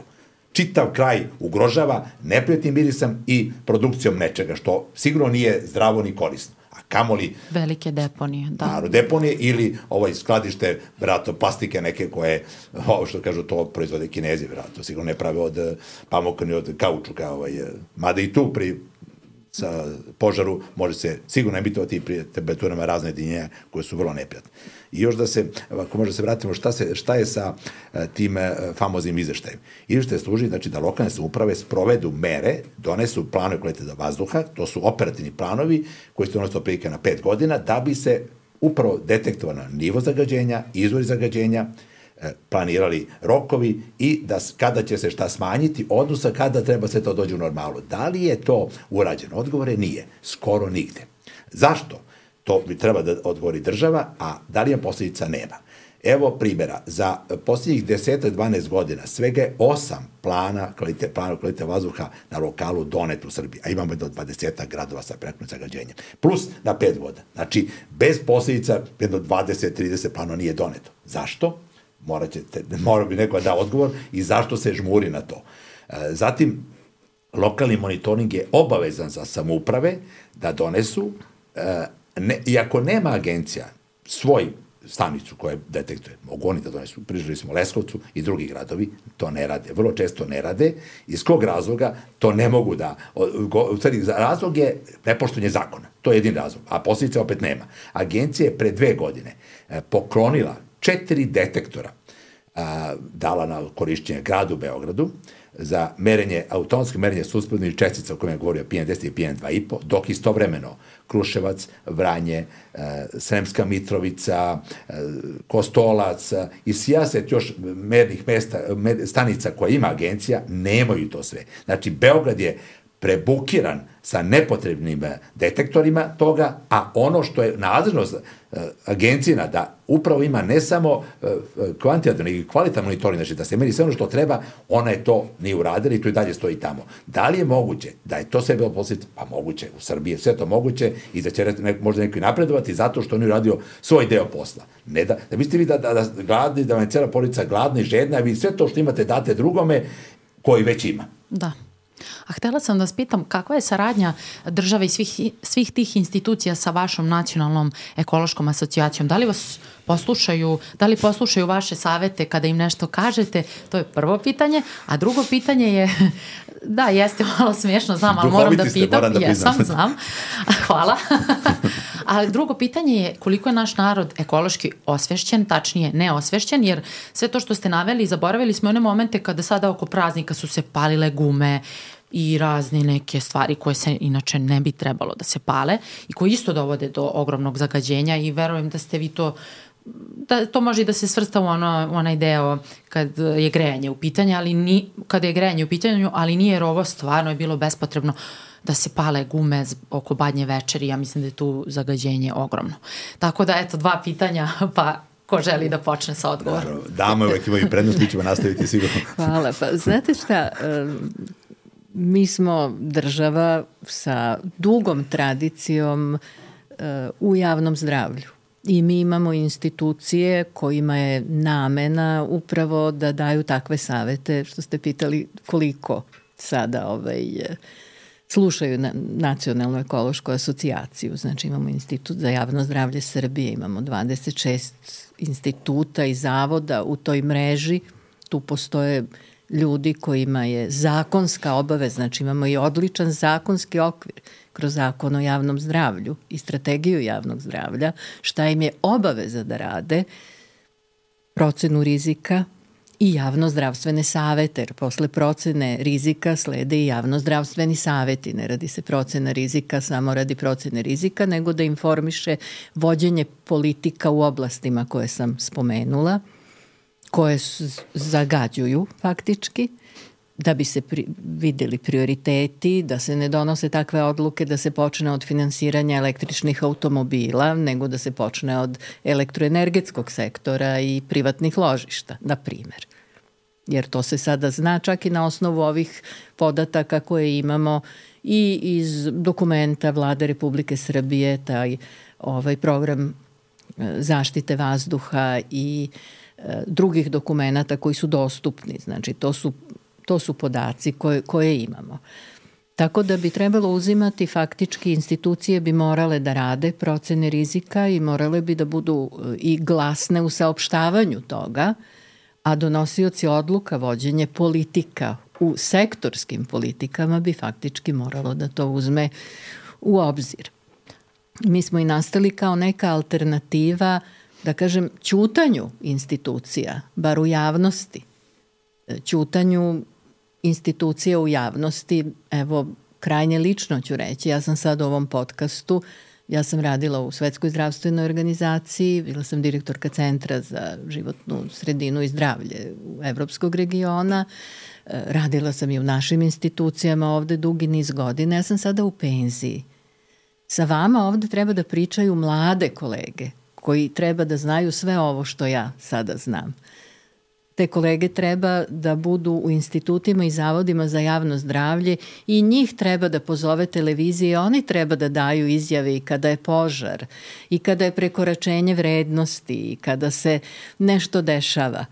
Uh, upravo zbog tog ćutanja institucija i nastala, ja govorim o, o zdravstvenim institucijama i o javnom zdravlju, Slična situacija je u institucijama kao što su Agencija za zaštitu životne sredine e, i druge institucije koje se e, bave ovaj, uticajem na životnu sredinu, tu su razni instituti, ne treba da zanemarimo ni akademske institucije. Kada akademske institucije ćute ili nemaju u svom kurikulumu ova novija znanja u vezi sa bilo uticajem uh, iz životne sredine na zdravlje, bilo drugim, da kažem, ne znam kakav je slučaj na meteorologiji i tako dalje, znači fizička hemija i tako dalje. Kada ćute kao institucije, isto u javnosti, onda se pojedinci jave. Tako da imamo pojedince iz akademskih institucija, iz državnih institucija,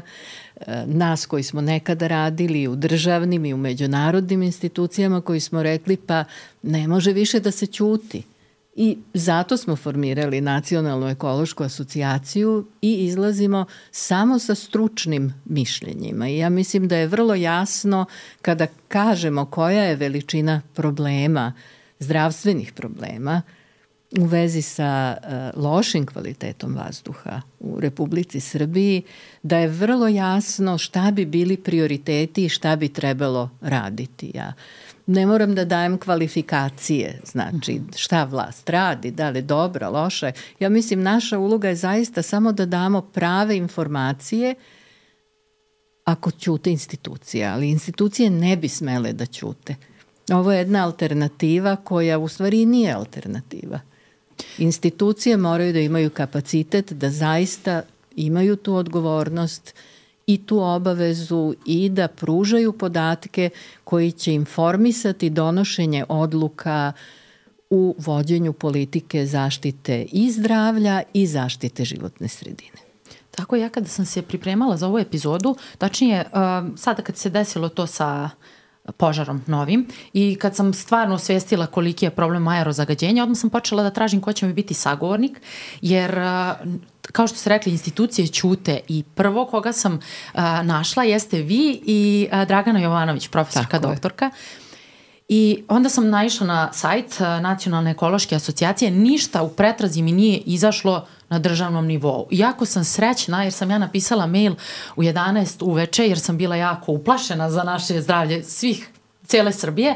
Ja sam poslala mail, iskreno nisam očekivala odgovor, pošto je bio i vikend. Mene je Milenko pozvao sutradan ujutru. Ja sam bila toliko oduševljena, tako da hvala vam što ste izdvojili vreme, jer se ovo tiče svih nas i kao što ste rekli, državne institucije ćute i ja ih nigde nisam čula da pričaju o ovome i čak se aktivisti često bune kako a, zdravstveni radnici isto ćute na ovu temu, većina zdravstvenih radnika, tako da vreme je da se svi probudimo i da se aktiviramo po ovom pitanju. Jer... Zdravstveni radnici ne bi smeli da ćute da. kao pojedinci, da se setimo na primer velikog smoga u Londonu, kada je dan za danom bila izuzetno visoka koncentracija zagađujućih materija i kada su sve hitne službe bile preopterećene e, hitnim slučajevima. Mislim, to se i kod nas dešava kad je ekstremno zagađen vazduh. I onda su lekari u Londonu izašli u javnost i rekli pa vlasti i država moraju nešto da preduzmu. I njihove institucije su tada ćutale. Bila je to 1952. godina i nivo saznanja naučnih je bio mnogo niži nego danas, naravno, ali su institucije ćutale I vlast je i tada, Churchill je i tada reagovao tako da je prvo negirao problem i rekao je, ma ne, ne, to uopšte nije problem. Međutim, četiri godine kasnije To je rezultiralo 1956. godine u usvajanju njihovog prvog akta o čistom vazduhu, Clean Air Act. Mi smo naš prvi akt o čistom vazduhu usvojili, naša vlada, decembre 1922. godine. 2000, Mislim, 2000. 2000 izvinjavam se, 2022. godine. Znači da. koliko godina posle 1956. Kasnije godine. samo 70. godina. Pa baš nismo morali da se ugledamo na Čerčila posle 70 godina na, to, na taj metod čutanja. Ja moram priznam, vrlo često postavim pitanje, pošto je to čutanje postalo hronično to je prosto jedan stručni i neodgovorni autizam institucija, pitam zašto đutite? Jer to nije jedno, nije to dva puta. Da li su to isključivo te partijski političke agende i nešto drugo u pitanju, ako pogledate i kadar koji e, stvarno vodi život u sredinu, samo treba vidjeti njihove stvarne obrazovanje, iskustvo, reference koji eh, kandiduju za ta mesta ali pričali ste i o zdravlju. Vrlo je bitno šta se dešava sa ministarstvo zdravlja. Ne govorim da je do sadašnja, možda i sadašnja dešava mandatu ministarka izuzetno stručna za svoj neki segment, e, koja se bavila i uticajem, e, analizama, mislim, e, bombardovanja nezakonito bombardnja definitivno i korišćenje municije koja se u uranijumu koje nije dozvoljeno na efekat na zdravlje ljudi. Nesporno je da to može biti opasno, kažu stručnjaci, isključivo prikom detonacije, kada je u vazduhu ta prašina, a da dugoročno to nije isto kao plutonijum ili ne, neke posljedice iz recimo da. Za vojnike vinče. koji udahnu da, neposredno momentu, to, da. i oni treba da budu i praćeni dugi niz godina i trebalo bi da se zna šta se dešava sa njihovim zdravljem i mi imamo, imali smo definitivno takve situacije. vojnike i situacije, I, i, to je bilo meni se čini nekih osamdesetak uh, vojnika i koje da, da. verovatno prate i danas ili ne prate, ne znam, eto to, taj podatak nisam nigde da, našla u to, javnosti. To je nesporno, znači da, da. Posto, da je postao problem. Šta, uh, nažalost, 17.000 prevenih smrti nije razlog za konferenciju za štampu ministarka, ministra ili ministarke potpuno svejedno. Zar to nije prioritet u odnosu na ovo? Da je to političko, da li je to nacionalni nivo, da nam je svejedno razlozi od koga ljudi umiru, da li je to bito ko je uzrok toga, eksterni ili interni kod nas, to je nešto što je stvarno nesvatljivo, nedopustivo, ali se dešava.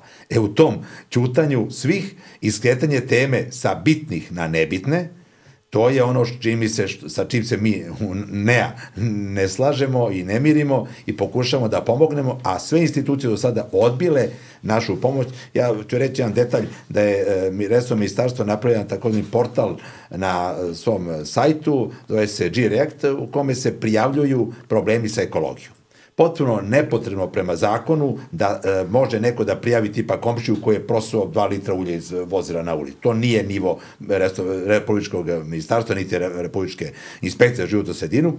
Kad je to formirano pre 2-3 godine za ogromne novce na 2 miliona evra, nije opravdalo sigurno svoje postojanje. Ja sam prvi deset dana, znači prve dve nedelje, svakog dana postavio konkretna pitanja. Na primjer, koliko je podneto krivičnih prijeva u Boru za prekono zagađenje vazduha sa koncentracije koje su nedopustive, imaju nultu toleranciju, takozvane e, zagađenje sumpor dioksidom 3 sata ostovce preko 500 mikrograma. Odgovori su ili kasnije par meseci ili su bili nesuvisni, da ne kažem gluposti. Da. Pa jednostavno čak ne želi da odgovore na ono, a znam da su se sastajali, eh, i to sam čuo interno od insajdera, kad god dobiju nešto od mene, da se sastanu, da pitaju šta s tim da rade. Kao da sam bilo šta loše uradio. Pitao sam, odgovorite, uradite, posećam vas. Uradite i reći, uradili smo. To je sjajno. Po, zaboravio sam, ok, podsjetite me, ali ne mogu reći da se to nije desilo. Da, i ne bih drago mi što ste došli ovde, hvala na izdvojenom vremenu, zato što kada se pošalje nešto na državnom nivou, odgovor se dobije jako kasno, kao što ste vi rekli, i zaboravi čovek šta je pitao, koliko dugo im treba da odgovore. Pa kad ne žele da odgovore mnogo to, duže. Mnogo, još duže od toga, da. Ali i odlično je, to će biti jedno od pitanja kasnije kada budemo pričali, sada ćemo se više fokusirati na a, zdravstveni aspekt, sada u ovom delu i baš to što ste rekli, a, toliko su ljudi zastrašeni osiromašenim uranijumom, da su svi zaboravili, to jest to, skreće se tema sa onog aktualnog glavnog problema koji sada imamo. Pa znate šta, to se dešava upravo zato, opet da se vratim, zato što se ne rade procene rizika. Uh mhm. -huh. Svakako da postoji rizik e, ako je i, a upotrebljen je osiromašeni uranijum. Znači moraju se znati mesta gde, to su neke tri lokacije u Srbiji. E, na drugim mestima je bilo mnogo više. Uh mhm. -huh. Radi se procena rizika i na osnovu procene rizika se određuju prioriteti. E, veliki, zaista veliki broj e, problema koji potiču iz životne sredine, pa i iz ovih ratnih dejstava, e, upravo nisu na adekvatan način obrađeni. Mi imamo, ako govorimo o bombardovanju, izlivanje ogromnih količina piralena, na primjer, u Kragujevcu to je čišćeno, ali to je materija koja je ona je hemijski polihlorovani bifenil. Znači ona je teratogena, mutagena, visokotoksična. E, to su stotine hiljada tona izlivenih sličnih materija iz naftne industrije Srbije. E, u prvom izveštaju UNEPA postoji preporuka da se radi procena rizika, da se to proceni. To nije rađeno ako govorimo o bombardovanju. Ako govorimo o uticaju vazduha ili o uticaju drugih e, zagađivača i životne sredine, hemikalije koje su oko nas, hemikalije koje unosimo kroz hranu, kroz predmete opšte upotrebe svakodnevno, kroz kozmetiku i tako dalje. šta je prioritet, šta je važnije, čime treba da se bavimo, se odlučuje na osnovu procenjenog rizika. Ako ga vi ne procenite, mi možemo da se bavimo i osiromašenim uranijom, a da se ne bavimo stotinama hiljada izlivenih hemikalija. Možemo da se ne bavimo zagađenim vazduhom, ali eto, da se bavimo nečim drugim. Uglavnom danas uticajem uh, kozmetike na, na toksičnosti, kozmetike na, na starlete. Na primer, eto. E sad, možemo da se posvetimo ovom uh, zdravstvenom delu ako se slažete sad malo još detaljnije ili ako imate nešto da dodate, pošto sam ja postavila dva pitanja malo pre, drugo sam zaboravila. Ajde, setite se vi, mlađi ste mnogo. Da, nema veze, doći će, doći će u toku razgovora. Um, na, gaze, na zagađenje vazduha koji nam je sada danas prioriteta i generalno treba da nam bude dok ga ne rešimo, a, najosjetljiviji su, kao što ste vi rekli, starije osobe i deca pre svega. Yes. Zato što deca još uvek nemaju formiran, a, nemaju formirane adaptivne or, a, mehanizme kao odrasli, zdravi odrasle, pojedinci. Imunološki sistem još treba tek da se razvija. Ta, zatim krvno-moždana barijera i brojne druge um, brojni drugi organi u njihovom telu treba da završe svoju diferencijaciju, razvoj i tako dalje. Tako da deca su nam najzagađeni, najugroženija i starije osobe, a i svi smo ugroženi. Da, kod dece postoje i ti takozvani posebni prozori osetljivosti gde su uh, rekli ste, organi nisu razvijeni. Oni se razvijaju i određenim uzrastima se, baš kod razvoja određenih organa, oni zbog postaju posebno osetljivi na delovanje određenih toksičnih materija iz zagađenog vazduha i to su ti takozvani prozori osetljivosti kada je mnogo lakše da dođe do određenih oštećenja. Evo danas se uh, često šire dezinformacije da vakcine izazivaju autizam, a sve je više objavljenih naučnih referenci koje govore i o povećenoj incidenciji autizma kod dece koja su izložena ovaj, zagađenom vazduhu, na primjer. Hvala vam puno za ovu informaciju, jako je važna i eto ja nisam povezivala do skoro a, taj uticaj aerozagađenja na epigenetiku, odnosno da. na promenu naše genetske, genetskog koda. Da. To ćemo, sad ćete nam vi malo detaljnije objasniti. A da li možemo da počnemo od samih osnova? Um, kako aerozagađenje, ne samo aerozagađenje, nego način života, uh, san i tako dalje, ali danas ćemo se fokusirati na aerozagađenje. Utiču na oksidativni stres, na inflamaciju u telu i na, uh, sada sam na masteru iz uh, medicine dugovečnosti i zdravog starenja, pa mi je to sada blisko trenutno, ali da pojednostavimo ljudima i kako aerozagađenje utiče na naš genetski materijal, odnosno meni je bilo mnogo fascinantno kako svi ti utice iskraćuju naše telomere, odnosno mi u svakoj ćeliji imamo hromozome. Hromozome koji se najvidljiviji su kada se ćelija deli, imamo mnogo ćelija u našem organizmu, imamo hromozome koji nose genetski materijal, odnosno DNK. Na krajevima hromozoma se nalaze te telomere koje se svakom deobom skraćuju i to je prirodno i fiziološki proces i kako starimo, tako se one sve uh, više skraćuju, tako ćelije odumiru i tako dalje i tako bliže. Međutim, kada imamo ovakav uticaj negativan, te telomere se mnogo brže skraćuju. Imamo prevremeno starenje, gde sada mladi ljudi imaju imunološki sistem kao stariji ljudi. Iako mi izgledamo mlado i e, tako se i ponašamo, naš imunološki sistem se osjeća jako staro, na primer. I to utiče na sve ostale funkcije u organizmu. E, to aerozagađenje utiče na svaku ćeliju, na svaki organ i to je kada sam malo prepomenula oksidativni stres i inflamaciju, imamo oksidativni stres koji je dobar za naš organizam, on se zove eustres, imamo onaj koji je loši, on se zove distres. I čini mi se da mi više ni nemamo taj normalni uh, oksidativni stres, nego da smo svi po tim jakim uticajem raznih stvari, ali evo danas pričamo o aerozagađenju. Inflamacija takođe. Uh, normalna inflamacija nam je potrebna blaga inflamacija, odnosno zapaljenje u organizmu, jer da nemamo zapaljenje, ne bi mogla, na primjer, da nam zara, ne bi mogle rane da nam zarastaju. Ali sada kada mi konstantno imamo hronični oksidativni stres, hronično zapaljenje, ubrzano skraćivanje telomera, to dovodi do svega onoga što ste vi naveli i možemo da ponovimo. I da nam, ako imate da dodate vi nešto za oksidativni stres. I... Da, pa dodala bih u suštini da zagađenim vazduhom mi unosimo niz materija koje ne treba da se nalaze u vazduhu i danas e, postoje neki podaci da su to, ne znam, više stotina hiljada sintetisanih hemijskih materija. One se zovu ksenobiotici zato što one nisu tu bile prisutne i ne treba da budu prisutne u okolini, ni u vodi koju pijemo, hrani koju jedemo, vazduhu koju udišemo. To je ogroman broj tih ksenobiotika. I naš organizam ih tako i prepoznaje kao nešto što je strano. Kada ih unosimo iz životne sredine, vrlo često to nisu količine koje su dovoljne da izazovu prave toksične efekte trovanja, da imamo simptome trovanja kao što se dešava u radnoj sredini.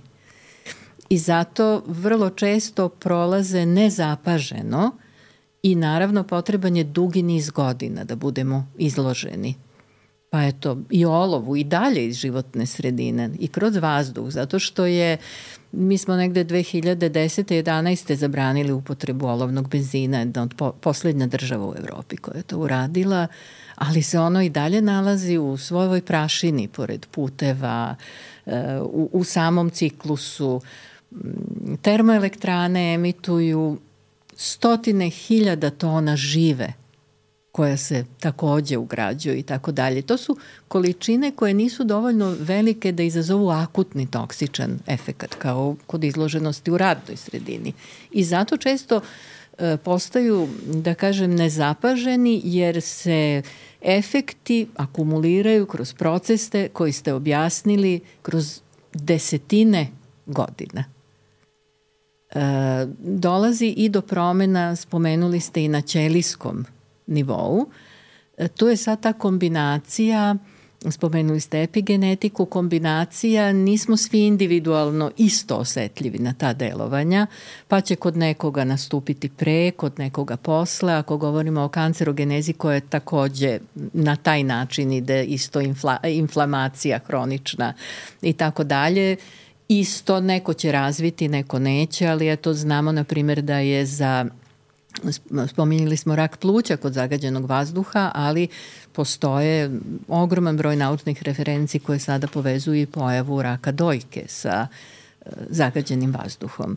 E, na taj način, kroz tu inflamaciju dolazi do i niza drugih bolesti. Evo, diabetes je jedna od bolesti koja je veoma povezana sa zagađenjem vazduha. Pored e, stilova života, povećana telesna težina i povećan uh, unos uh, tih uh, hranjivih materija neizbalansiran uh, i nedostatak kretanja. To, I svi ti faktori i deluju u realnom životu. Znači, ne možemo mi posmatrati samo udisanje uh. Zagađenog vazduha. Govorimo o svim ovim uticajima koji čine da neko bude osetljiviji više, neko manje. Zato su i oni koji boluju od hroničnih bolesti, spominjali smo ili starija populacija koja svakako ima već neke bolesti, osetljivija. Ali e, zagađen vazduh utiče i u samoj genezi i razvoju ovih bolesti, kod nekog manje, kod nekog više zavisno i od njegovog primarnog genetskog materijala i od te onda interakcije na, na nivou ćelije sa svim tim mnogobrojnim, mnogobrojnim ksenobioticima e, koji se evoluciono nisu nalazili u, u, u, u ovaj, i ni u vazduhu koji dišemo, ni u bilo čemu na koji način unosimo organizam i e, organizam se brani.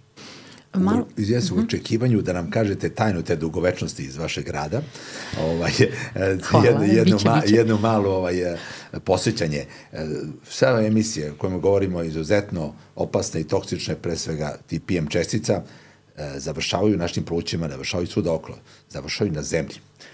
Ispiraju se sa atmosferskim Tako padavinama, je. takođe u zemlju, površinske, podzemne vode, kroz koren biljaka kojim se hranimo, dolazi kod nas, na drugi način, da dugovečne poslovne, dugoživuće toksične materije ne nestaju.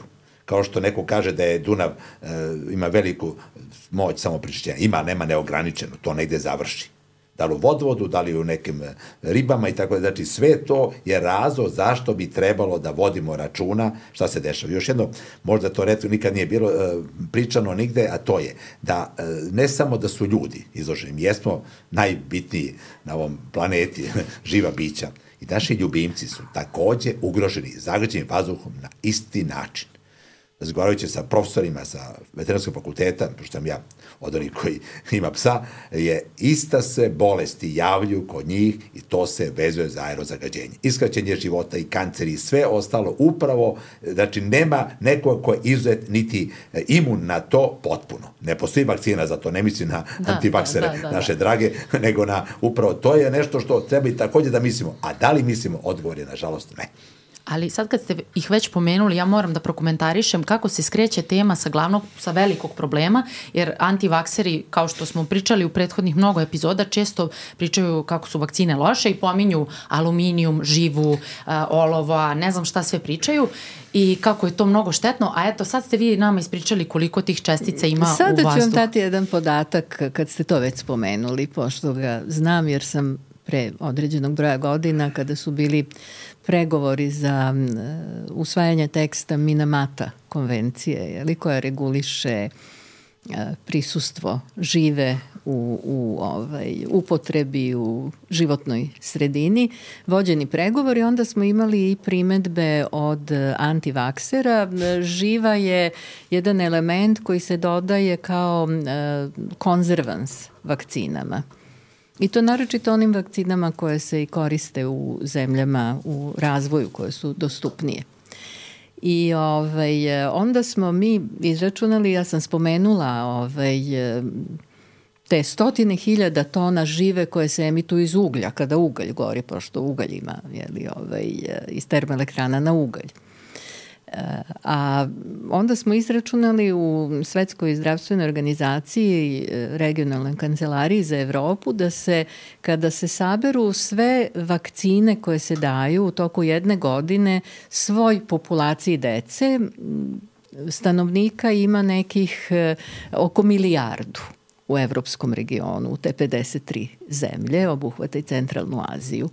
Pa kada se E, izračuna kolika je to količina žive, onda smo došli do 900 grama žive na tu, da kažem, populaciju dečiju koja pripada tom, toj milijardi stanovnika. A iz termoelektrana imamo stotine hiljada tona koje se ugrađuju u ciklus i Milenko je spomenuo, znači ugrađuju se i u vodu i u životinje koje se tu hrane, životinje koje se koriste za ishranu i u biljni svet i, i u ribe i imamo problem sa velikim, velikim zagađenjem, na primer, e, riba, velikih riba po okeanima, po morima, e, koje nagomilavaju ogromne količine i teških metala, između ostalog i žive, zbog velikog ispuštanja žive I to je sve ogroman problem. Znači, vakcina svakako nije. To su toliko zanemarljivo nano-nano da. grami koji se nalaze u jednoj dozi.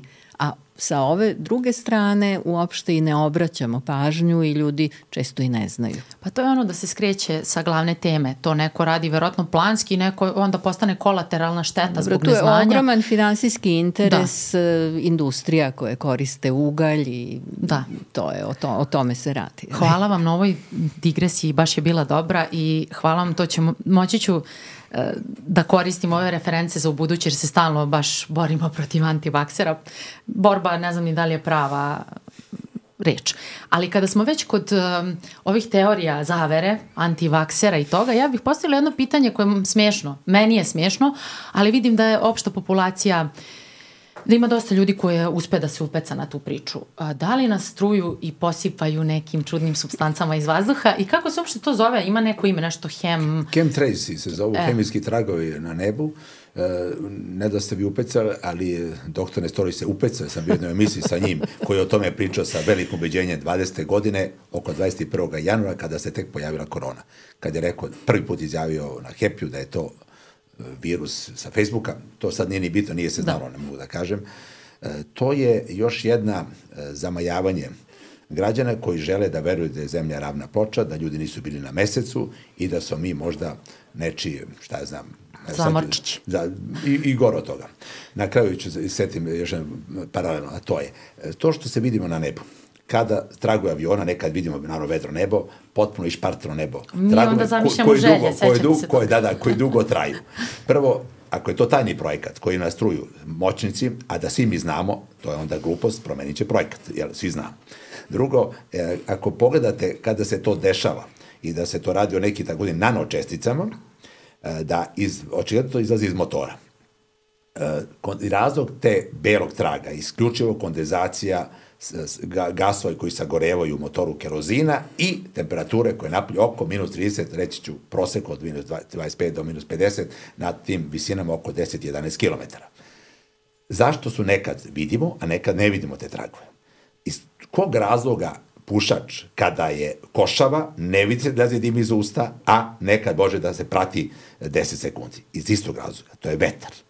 Prosječna brzina vetra na toj visini je oko 150 km na sat, znači od 100 do 200, znači to su uobičajeni vetrovi. Tada, ako želite da se uverite šta je u pitanju, to sam tada i posao gospodinu Teodoroviću, e, vetar je specifično i vrlo povremeno se dešava da je vetar svega 10 do 20 km na sat. Toliko slab da ne stigne bukvalno da e, ublaži, da, da kažemo, rasturi te kondenzante. Da li je moguće da neko stavlja te otrove, takozvane, u gorivo, jer oni treba prođu kroz motor, da pokvari motor da bi to izašlo da bi ga mi videli i još pride nanočestice, znači to su praktično čestice bez težine, na, na kažem, po dimenziji po težini u odnosu na nama shvatljive vrednosti ovaj, težine, mikrogrami, miligrami i tako dalje, je to pada dole. Ne. To će, da, to će se toliko razblažiti dok dođe do dole, da će, računao sam negde na stup vazduha visino 10 km na zapremu vazduha, 10.000 do 100.000 puta doći će manje nego što je gore. Pa zašto bi neko trošio te resurse ako može da baci jednu flašu ovde pored nas i, i da nas sve potruje da uopšte ne mora da ide u avion. Eto, to su stvari koje ljudi ne razmišljaju, ali žele da vide. Čas skoro su i poslali ljudi koji su obrazovani, to su čak doktori nauka, profesori, u kome se neko analizirao padavine sa tvrdnjom da su tu chemtrails. U padavine godinama se nalazi sve što je bilo u atmosferi. Kako su moćni kad mogu i, i kišu da nam... I ne žele da čuju drugo mišljenje, da. osim toga da ima neka tajna. A kad se već kod tih uh, teorija zavera, ja bih samo želeo da kažem da li, se, da li smo mi svi svesni da se na našoj koži nalaze milijarde virusa i bakterija. Dobroćudih, ajde uzimo dobroćudih Da li je neko razmišljao, to je moja teorija. Mi jesmo i imamo dve epizode o tome, 11. E, okay. i 13. epizoda, pogledajte, obavezno povezana i sa ovom Odlično. pričom. A ja ću kažem, da li razmišljamo da smo mi možda nečije virusi na nečoj koži neko džinovsko biće u svemiru. Da, pa I da to mi svesni, logičnije oni, zvuči. Da, da, oni nisu svesni da su na našoj koži, možda mi svesni da na nečoj koži. Da. Ako idemo u... Pa jesmo virusi, koliko zagađujemo ova naša jedna planeta da. Zemlja, baš smo onako ipak paraziti. Je, ipak je glupost neograničena, da, da, a svemir je možda i limitiran. Jeste, jeste, da. da. Da li, to, nećemo više o teorijama zavere, pa lepo ste nam objasnili, ne, da sad ćemo da se vratimo, da, da. Meni je stvarno ova priča smiješna, ali je tužno koliko ljudi veruju u to i to isto, kažem, najviše se vidi po društvenim mrežama i to, tu se vidi koliko je ljudska glupost neograničena, ali i na nacionalnim frekvencijama se to može videti danas. Pa, pa hvala vam uopšte što o toj temi organizujete i ovakve podcaste, zato što evo ovo o čemu smo govorili, a što je apsolutna činjenica, znači sve te sintetisane materije oko nas i ugalj koji gori, nafta i štetnosti, i zagađen vazduh i hemikalije u predmetima koje koristimo i tako, sve su to apsolutno činjenice kojih ljudi očigledno, apsolutno nisu svesni, a onda im neko servira, pa verovatno te industrije koje u stvari prouzrokuju pravo zagađenje, tako neke interesantne priče i valjda to ljudima deluje onda zanimljivije ovo je vrlo obično je li ovaj reći da ugalj koji gori za, zagađuje je li to da. je nešto suviše prosto a donosi ogroman profit boga mi i onda da. se izmišljaju neke druge priče. Evo nešto što nije lepo čuti a nije teorija zavere. Prednog godinu i po dana Nacionalna koška asocijacija objavila jedan članak kratak koji govori o tome da tent zagađuje to je inače država, narod TNT je vlasti država, 100% mislim, zagađuje i pet puta više e, svoje građane, emitujući PM10 čestice, nego što bi trebalo da koristi prijavljeni energent, a to se zove lignit, nego najloše kvaliteta. To nisu procene ničije, niti nea, niti moje, ne da Bože, lične, to je, su informacije koje država Srbija emituje i daje međunarodnim institucijama, kao što je e, protokol o prekograničnom zagađenju vazduha i Evropska agencija za sredinu. Znači, jedno je procena koja postoji zvanična, da je svaki energent koji se koristi za dobijanje bilo kog megavata, kilovata, ima od nekog energenta, emituje određenu količinu određenih zagađujućih materija. To se laboratorijski utvrđuje i tu su vrlo mala odstupanja. Za ovaj naš lignit koji je prijavljen da ga imamo, a inače njega smo osuđeni, to nemam ništa protiv toga, e, očigledno se ne radi o lignitu, radi se o nečemu što je mutant, nastao vlažni, vlažan lignit, zemlja, dodaje se mazut i to ne sagoreva kako treba, jer normalno neće gori zemlja, nego mora se da mazut. Istovremeno, e, TENT i ostale velike zagađivači mere zvanično emisije polutanata na izvoru, znači na dimnjaku. To informacija govori da je od 4,5 do 5,3 puta više emituju. Znači, mereno, neprocenjeno, u odnosu na to što bi trebalo da bude. Sad zamislite da država preko svoje e, termoelektrane, koja je vlasnik, truje svoje građe pet puta više od toga koliko bi trebalo da truje, da koristi samo ono što je prijavio da koristi. Znate, to je skandal i to nema toga u teorijama, pošto to nije zavira, nego je činjenica. I zato što nije zanimljivo i ne ide nikom u prilog, ali vi e, ne možete da verujete kada se uđe na TikTok, ne znam da li koristite to, kada se uđe, vi kada uđete u te teorije zavere, jednom kliknete na taj video, onda vam kasnije non stop izbacuje. I sad za ljude koji imaju kritičko razmišljanje, naravno skloniš to, ne gledaš više, međutim, deca to gledaju.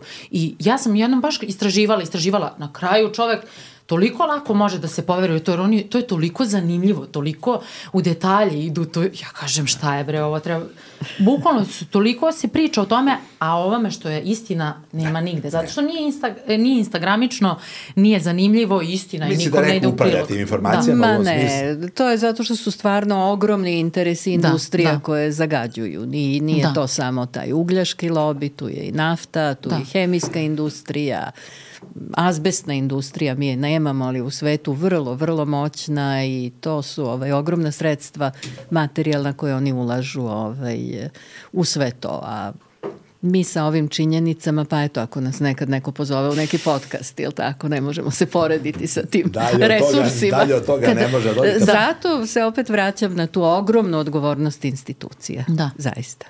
I sad, e, da zaokružim... Uh -huh. Pomeni ste azbest, Elizabet, da. a to je, azbest naravno je opasan izuzetno element, odnosno materijal, materija koje imamo previše, a da je nije, uopšte se ne zbrinjavamo, niti se ona da. meri.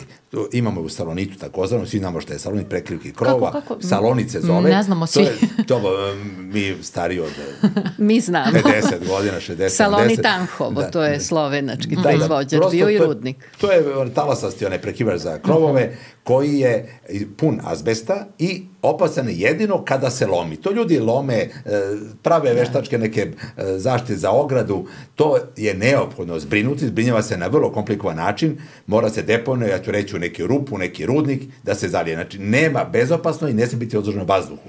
Znači, to se mora sve pokupiti što postoji i skloniti se u nekom roku od možda par godina.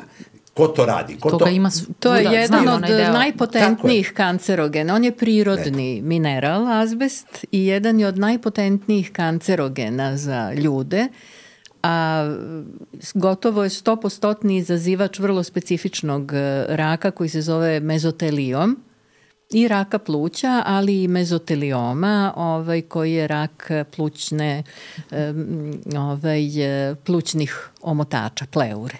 Uh mhm. -huh. I ovaj, kod nas je upotreba azbesta zabranjena, znači nova upotreba, uvoz, korišćenje za sirovine, zatvorili smo rudnike azbesta. Međutim, taj azbest koji je svugde ugrađen, evo Milenko je spomenuo, on je izuzetno opasan kada se uklanja, a radnici su izloženi tome, ovaj, moraju se sprovesti zaštitne mere. Kada je rađeno uklanjanje azbesta iz pogon, pogona elektroprivrede Srbije, to je urađeno početkom 2000-ih, iz, kotlovi su bili izolovani azbestom, on je odličan izolacioni materijal i koristi se, koristio se u protivpožarnoj zaštiti. Međutim, zbog te visoke potentnosti kao kancerogon je on malte ne u celom svetu zabranjen danas. Nisu ga zabranili najveći proizvođači azbesta, e, Rusija, Kazahstan e, i tako. Mhm. Jeli? Izvoze u zemlju u razvoju. E, koristio se i u cementnoj industriji mnogo. Tako da i u cementu ga ima, ne samo u tim salonit pločama. Uh -huh. Znači, on kada se uklanja mora se faktički sprovesti stroga hermetizacija procesa i strogo se zaštititi, izolovati radnici i on se mora, kako je objasnio Milenko, deponovati na deponiju opasnog otpada. Srbija nema deponiju opasnog otpada, ali onda bar zakopati u zemlju u neka mhm. stara rudarska okna da se ne raznosi. On je opasan samo kada se raznosi.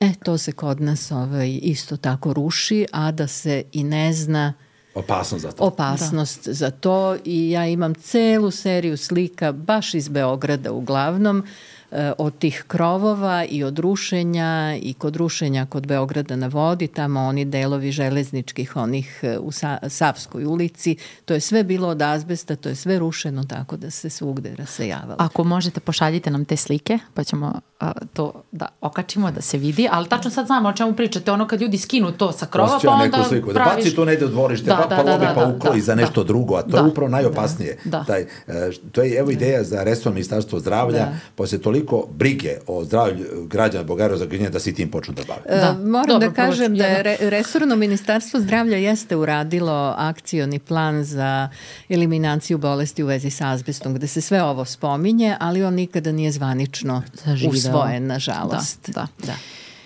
Ostali smo samo dužni, tent je skraćenica od, stalno pominjemo tent, tent, termoelektrana Nikola Tesla, to, to. najveći, da, pa, najveća da, termoelektrana u Srbiji. Slušat će nas razne generacije i sve to, zato ću vam ja postavljati pod pitanja. I ostali smo dužni um, da objasnimo koliko šta, smo dužni? dužni smo i sad ja sam setila, da, da objasnimo šta je epigenetika, ali pre toga, pošto meni samo dolazi misli, imamo celu epizodu, naša produkcija uh, A, ima sjajne podcaste, zdravstvene, istorijske i tako dalje. I u podcastu koji se zove Psihološkinje obrađene su teorije zavere i morate to pogledati kad budete imali vremena i vi, a i naši slušaoci. To, zato što je jako zanimljiva tema i jako zanimljiv fenomen.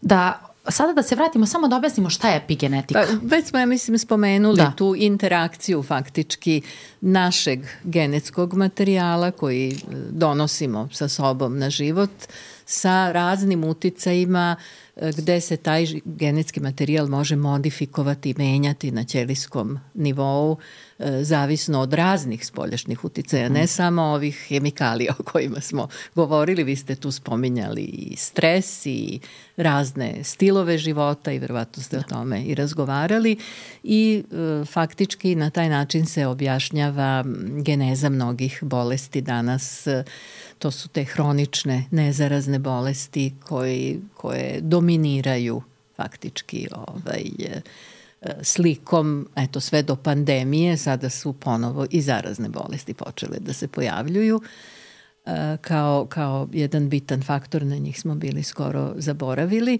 E, vrlo je važno i kod zagađenja vazduha, naravno, biti svestan te interakcije organizma na ćelijskom nivou i samom genetskog materijala sa svim e, sastojcima koji su zagađujuće materije u vazduhu. E, malo pre ste pomenuli autizam i sada koliki je uticaj i na druge neurološke bolesti, e, takođe na genetske bolesti koje je sve da. veći broj u našoj državi. I to sam, ja sam se uvek baš pitala da li je to zato što su nam informacije sve dostupnije pa znamo veći broj slučajeva ili je to baš zbog svega navedenog? Sve veći broj ljudi koje ja poznajem da ima neku da deca njihova imaju neku Da, i definitivno. i, i autoimune bolesti i neurološka oboljenja, mi smo izloženi, rekla sam, to su milioni. Uh. -huh hemikalija, raznih materija na koje mi evoluciono prosto nismo spremni, još. spremni Pa ne bih rekla još uvek, ja mislim da je i nemoguće ovaj da. se spremiti. Doći će novih milion. Da, a ovaj, to su ti da. kseno, ksenobiotici mm -hmm. sa kojima interreaguje naš uh, organizam, a kažem treba imati u vidu da mnoge te, uh, ti ksenobiotici za koja smo znali uticaj na nivou toksikološkog delovanja, znači kada je visoka koncentracija, upravo, evo kod olova, da se vratimo opet, jer on je stvarno ubikvitarni zagađivač, svugde se uh mhm. -huh. nalazi zbog upotrebe olovnog benzina. E, danas je mnogo više um, kada se ne nalazi u tim visokim koncentracijama, mnogo su upravo neurološki problemi kod dece izraženi, pa utiče i na e, niži koeficijent inteligencije, smanjenje kognitivnih sposobnosti, neurološke poremećaje na tom nivou raznih neuroloških bolesti koje nisu bile do, do sada registrovane. A samo trovanje olovom, to je nekoliko onako velikih simptoma koji se više, više ne sreće. Da. Sasvim na drugi način se sada jer su to mnogo, mnogo niže koncentracije u mnogo dužem periodu i od izloženosti u, u, u majčinoj utrobi pa do rođenja i ta kasnije kroz razvoj dece se deca izlažu. Nismo spomenuli jednu veliku grupu materija koja se ne nalazi predominantno u vazduhu, ali je treba spomenuti mislim u zagađenom vazduhu, a to su ovaj, endokrini ometači i oni su isto uzrok mnogih od tih bolesti uh mhm. -huh. koje ste spomenuli, upravo e, endokrini ometači se inkorporiraju upravo u, u na ćelijskom nivou u procese e, tih finih regulacija e, e, putem e, našeg endokrinog sistema i evo moram spomenuti imamo sve više i više neplodnosti i muške i ženske i celu jednu veliku granu medicine koja nekada nije bilo ni potrebe da postoji, a to je ta ovaj, e, e, veštačka oplodnja i sve aktivnosti vezane sa tim. Znači definitivno su endokrini ometači ta grupa, vrlo heterogena grupa materija ti koji izazivaju i tu vrstu poremećaja. Moram da vam se pohvalim da smo mi već obradili tu tematiku sa profesorkom e, sa farmaceutskog fakulteta, sa katedre za toksikologiju, Aleksandra Buhać-Đorđević. Da Um, sa njom smo pričali Ona o endokrinim... radi jedan veliki projekat e, trenutno ovde ovaj, e, koji na našoj populaciji ispituje da. te efekte. Tako da taj uticaj endokrinih ometača je veoma veliki Jest. i već smo ga obradili i još ćemo pričati o tome. Hvala vam što ste to pomenuli u ovoj epizodi i kada ste uh, pomenuli olovo, ja sam pročitala baš ista ta katedra je napravila uh, informa, informator, što bi rekli ovi naši sa televizije, informator a, koji se zove Informisana mama i zdrava beba. Ja to yeah. često pominjem i tu baš i piše da ne postoji bezbedna koncentracija olova u krvi Absolut. ni za koga, Absolutno. a da ne pričamo o ovim visokim a, koncentracijama gde, ih, gde, ga, gde sve može da se nađe. I um, to sam htela da pomenem i uh, malo pre ste pomenuli teratogenost i moram da objasnim opet, to je uticaj na plod, uh, uticaj raznih uh, faktora na plod, najviše ovih uh, zagađivača. Takođe neki lekovi mogu biti teratogeni i tako dalje. Um, kada pomenemo uticaj na plod, ne znam sad da li smo to pričali već sad ili je to bilo u pripremi, malo mi se pomešalo.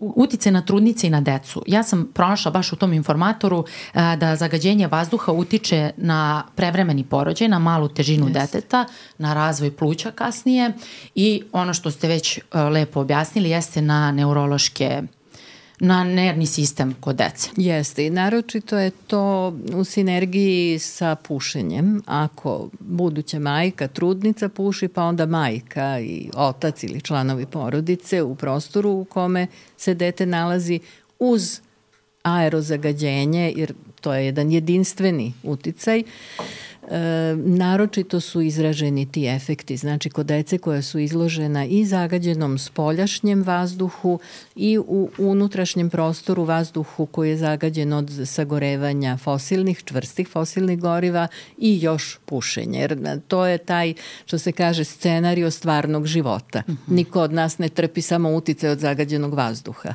Da. Samo što na pušenje možemo da utičemo i na pasivno pušenje naravno, nadamo se naravno. u budućnosti u ovim zatvorenim prostorijama Bilo ugostiteljskim. Bilo bi neophodno zabraniti zaista pa čak i regulisati kao što su mnoge zemlje uradile ili rade i planiraju u privatnim e, automobilima, na primjer, zabraniti u e, pa čak i u, i u privatnim e, kućama, upravo zbog te ogromne ugroženosti dece. Uh mhm. -huh.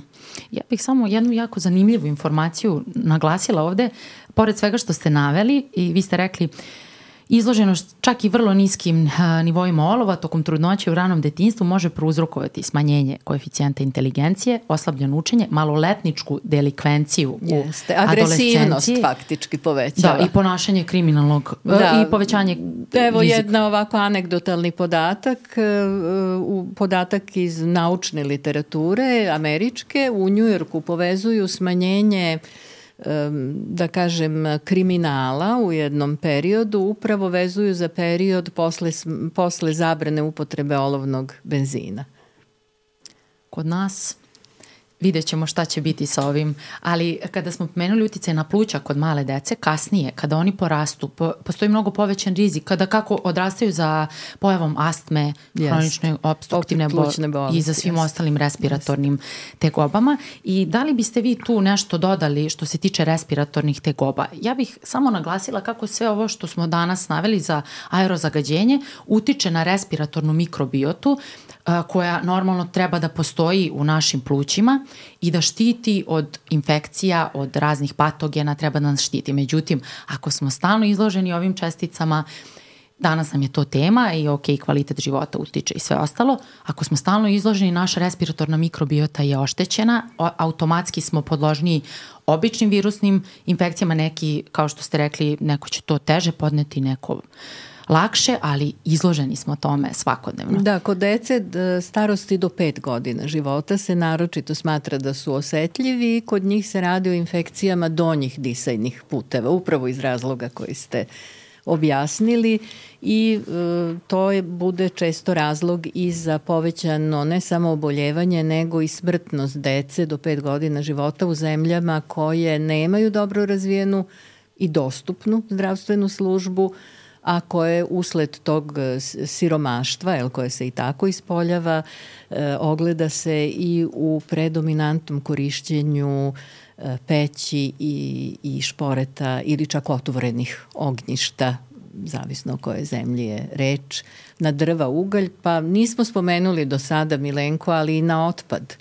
Vi ste spomenuli malo, nismo se na to osvrnuli, sve češće se i kod nas dešava da se i otpad, otpad kao gume, kao plastika koriste kao energent i da se lože i tada se stvarno oslobađaju izuzetno, izuzetno potentni kancerogeni dibenzodioksini dibenzofurani i to bi zaista trebalo ljudi da znaju i da ne koriste. To jeste povezano sa siromaštvom, energetskim siromaštvom ali ovaj, je, je prosto bi trebalo da bude neka svest o tome da se zaista ne koristi i da se omoguće i subvencije za taj najsiromašnije delove stanovništva koji čak ne mogu da nabave ni drva ni ugalj.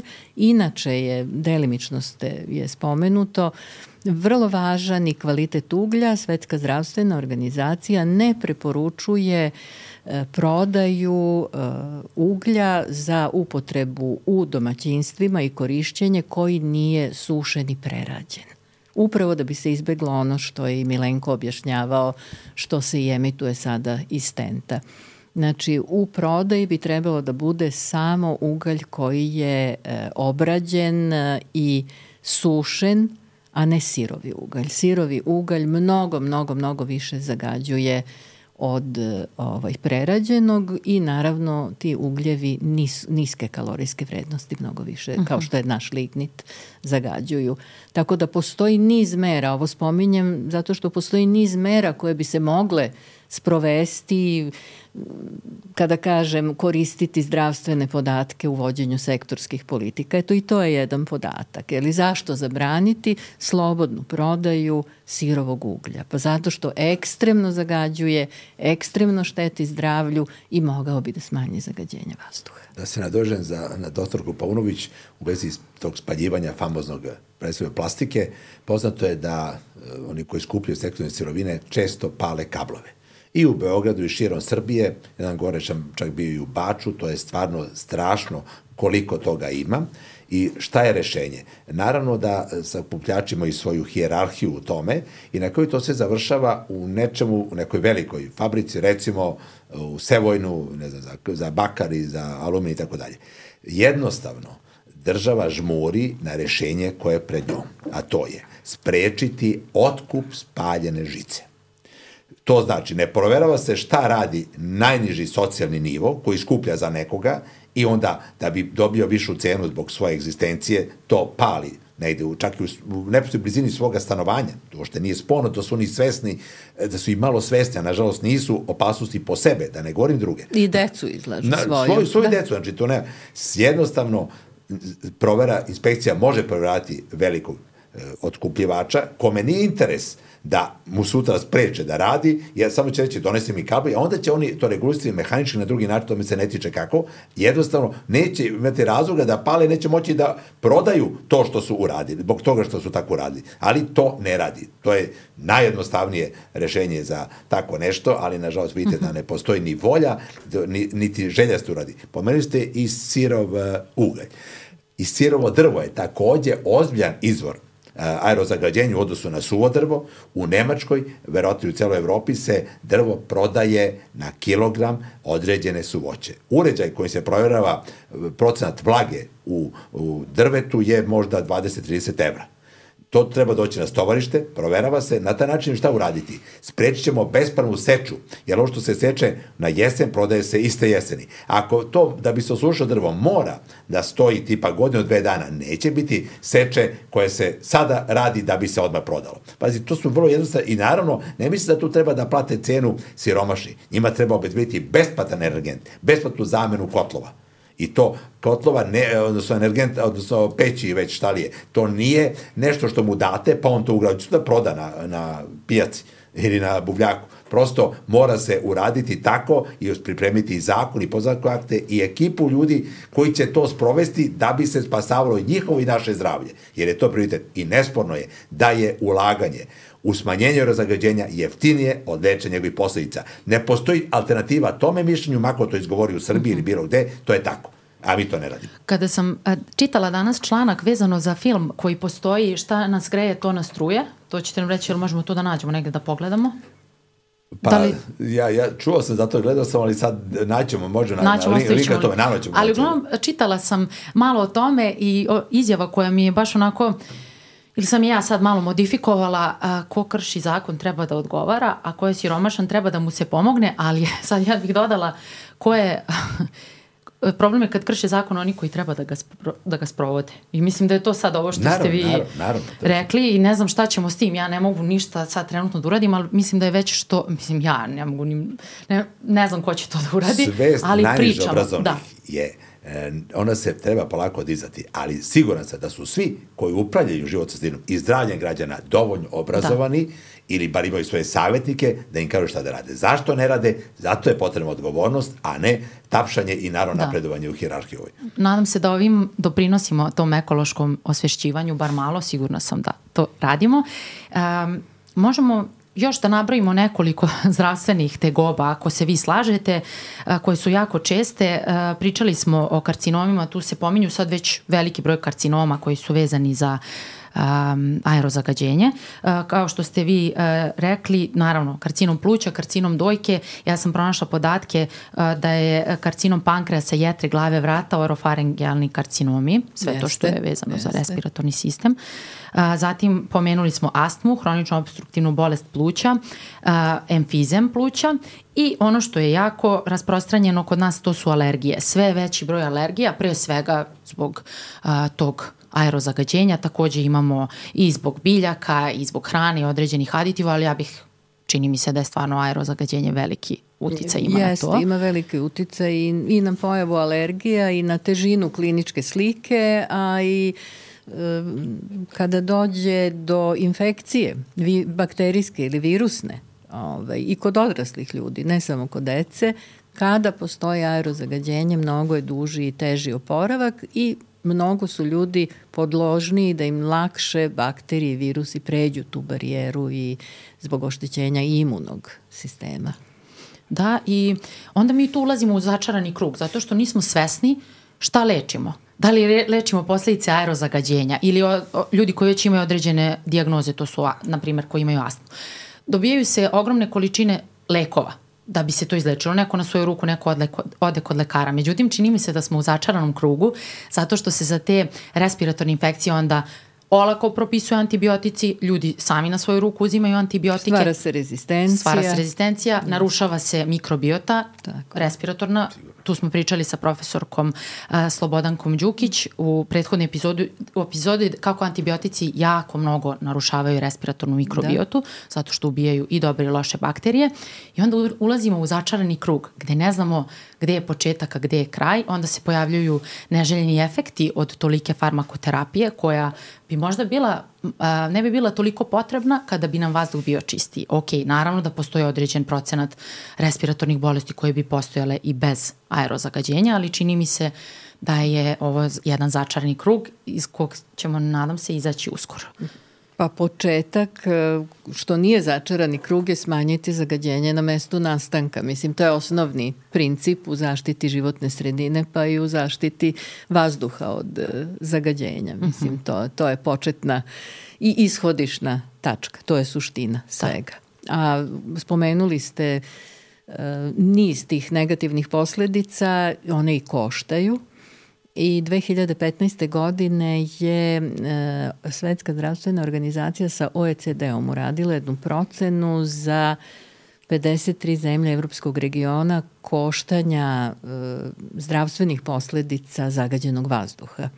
I Srbija je tu na jednom, znači podaci su uzeti period 2010-2015, a Srbija je na jednom prvom počasnom mestu sa trećinom bruto nacionalnog dohodka i odmah rame uz rame što nije uteha. Ili za Srbiju su tu i Bosna i Hercegovina, Makedonija, Gruzija, Ukrajina, Bugarska i tako dalje divne informacije. Se vratim na, mhm. -huh. na one aplikacije. Znači, još dve aplikacije aktivne, uh, Xeco očak i Xeco polen. Xeco polen jasno je, govori u, u vreme polenizacije o koncentracijama svih uh, koncentracijama polena od 24 vrste alergenih bilja, biljaka koji produkuju, naravno sa zakašenjima od 7 dana, pošto je monitoring takav da se radi za prethodnu nedelju, prikazano na pravi način, naravno sve to na Google i dalje Google Playu, i XE koča koji simulira uh, kako izgleda svakoga trenutka emisije iz najvećih zagađivača. Naravno, ne postoje online emisije, ali postoje podaci kojima oni izveštavaju o emisijama, koji su ušli u kalkulaciju tipa 100 tona, podelite na 365 dana, 24 sata, toliko e, minuta, sekundi i vi praktično vidite da se svakoga e, sekunda emituje neki gram, kilogram nekog polutanta da nas podsjeti šta se to dešava sa atmosferom. I možda najbitnija stvar, govorili smo o XECO vazduh aplikaciji, e, po, koja je naravno od početka, već koliko je dve godine, prikazuje koncentracije prema evropskom kriteriju. Ali istovremeno, konačno, posle mnogo godina od kada je skrenuta pažnja i po koju neki imali posledice u svojoj firmi nekada, je vlada Srbije krajem e, maja, mislim 25. ili 30. maja, usvojila preporuku da se primeni indeks evropske kvaliteta vazduha. Radi unificiranog prikaza, boljeg, adekvatnog i tako dalje. Znate kada je to prihvatljeno? Nikada. Osam meseci je prošlo. To je posao za jednog Dejana Lekića od sat, dva, za neke stručnjake koji naravno mora da ima neku diplomu, je sigurno dan, dva, nije urađeno. Znači i dalje gledamo prikaz na sajtu agencije, odnosno taj indeks kvaliteta vazduha srpski, koji je star, nije bito 12 godina i koji nema potrebe da se i dalje prikazuje, posebno što je ublažavan 20. godine, kad imamo taj koji je zvaničan. Znači, nisu državne institucije ispoštove odluku vlade, bez posledica. To je ono, krše zakon. On, on je nere, treba da nerealan i neadekvatno i sa aspekta procene zdravstvenih efekata stvarno, da kažem, za, zavodi i ne daje prave, mm -hmm. prave podatke i to je bila potpuno ispravna odluka naše vlade da usvoji evropski indeks. E sad, to se nije dogodilo. Usvojila jeste, ali, ali nije, nije primenjen. Ali nije se implementiralo. Ko je nadležan nad, da, nad da. institucija pa vlada? Da, da.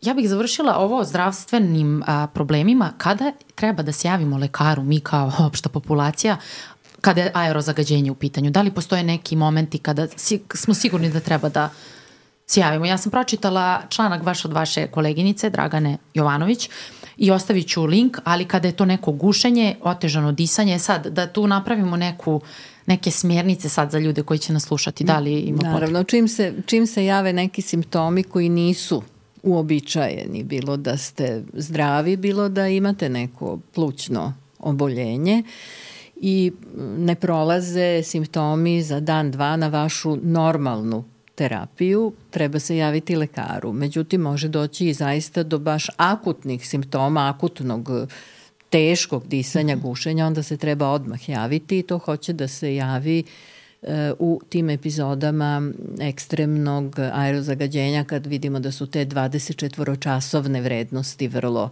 vrlo visoke.